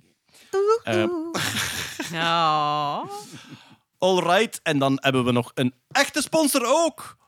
En deze maand is dat Aquafin. Jazeker. Aqu- Bij Als ik Aquafin hoor, dan denk ik aan afwatering, afvalwaterverwerking enzovoort. Waar zit de technologie en Klopt. de innovatie in Aquafin? Wel, Aquafin, ook sponsor van het festival trouwens. Ah, oké. Eh, ja, eh, die geven eigenlijk afvalwater in Vlaanderen een tweede leven. Ik denk, wat dat we er meest van kennen of herinneren, is dat zij gewoon het afvalwater dat wegstroomt uit je douche bijvoorbeeld, dat ze dat zuiveren, zodat dat proper terug in waterlopen Ja. en in het leefmilieu terecht kan. Maar eh, anderzijds beschouwen zij dat afvalwater niet echt als afval, maar als een bron van veel meer. En dat vond ik super cool. Bijvoorbeeld het water dat uit je douche of uit je wasmachine wegloopt, dat is warm. Ja? En bij de zogenaamde riothermie die zij doen, wordt die warmte eigenlijk gecapteerd. Wordt dat aangeboden aan warmtepompen in een gebouw en kun je daarmee eigenlijk je gebouw verwarmen of Ah, koelen. omdat de riolering warmer Ja, is dan inderdaad. de omgeving. En uw ja, ja. chauffage riekt dan lekker, want dat komt uit de wasmachine. Kan ook uit mijn doucheputje komen, hè, Els. Ah ja, ja, never mind. Als je zo wat haar op je chauffage vindt, dan weet je dat het komt. Eh, wa- wat ze ook doen qua technologie is zuiveringsslip. Dat is dat vergisten. Om daar eh, biogas en biomethaan van te maken. Dus ja, om, om daar eh, gezinnen mee te gaan verwarmen en zo. Maar dan is het dat echt nu al in de huizen terecht. Er zijn mensen die hun gasvlammen aansteken en dat is gewonnen uit afvalwater Ja, eigenlijk. en in 2024 willen ze vier van die nieuwe biomethaan-installaties in gebruik nemen voor eh 1600 gezinnen ongeveer. Dus dat is Oké. niet weinig. Wat zoeken zij? Zij zoeken zoals alle sponsors bijna ehm, ja, volk. Ze zijn op zoek naar technische profielen, naar projectmanagers, IT'ers, OT'ers, ingenieurs ook. Eh, ja, en dat is allemaal te vinden op aquafin.be slash nerdland. Dus mensen die willen meehelpen aan eh, sowieso het zuiveren van het afvalwater, het eh, eh, goed afvoeren van het hele waterplansysteem, maar ook dat soort innovaties, Ja, hè, zoals vooral. warmtewinning uit rioolwater en vergisting van dat soort dingen. Eh, die kunnen aan de slag bij Aquafin of die kunnen eens kon, eh, kijken naar de mogelijke jobs daar. Yes. Nog één keer de website. aquafin.be slash nerdland. Voilà, ziezo, dat is alles voor deze maand van ons. Super bedankt om te luisteren tot hier. En ik dank natuurlijk ook Els Aert, Graag gedaan. Bart van Peer, Tot ziens. Natta Kerkhoff, Ajustruus. Peter Berks Dag. en Hetty Helsmoortel. Met veel plezier. Tot de volgende keer. Dag. Allee, jong, open saus.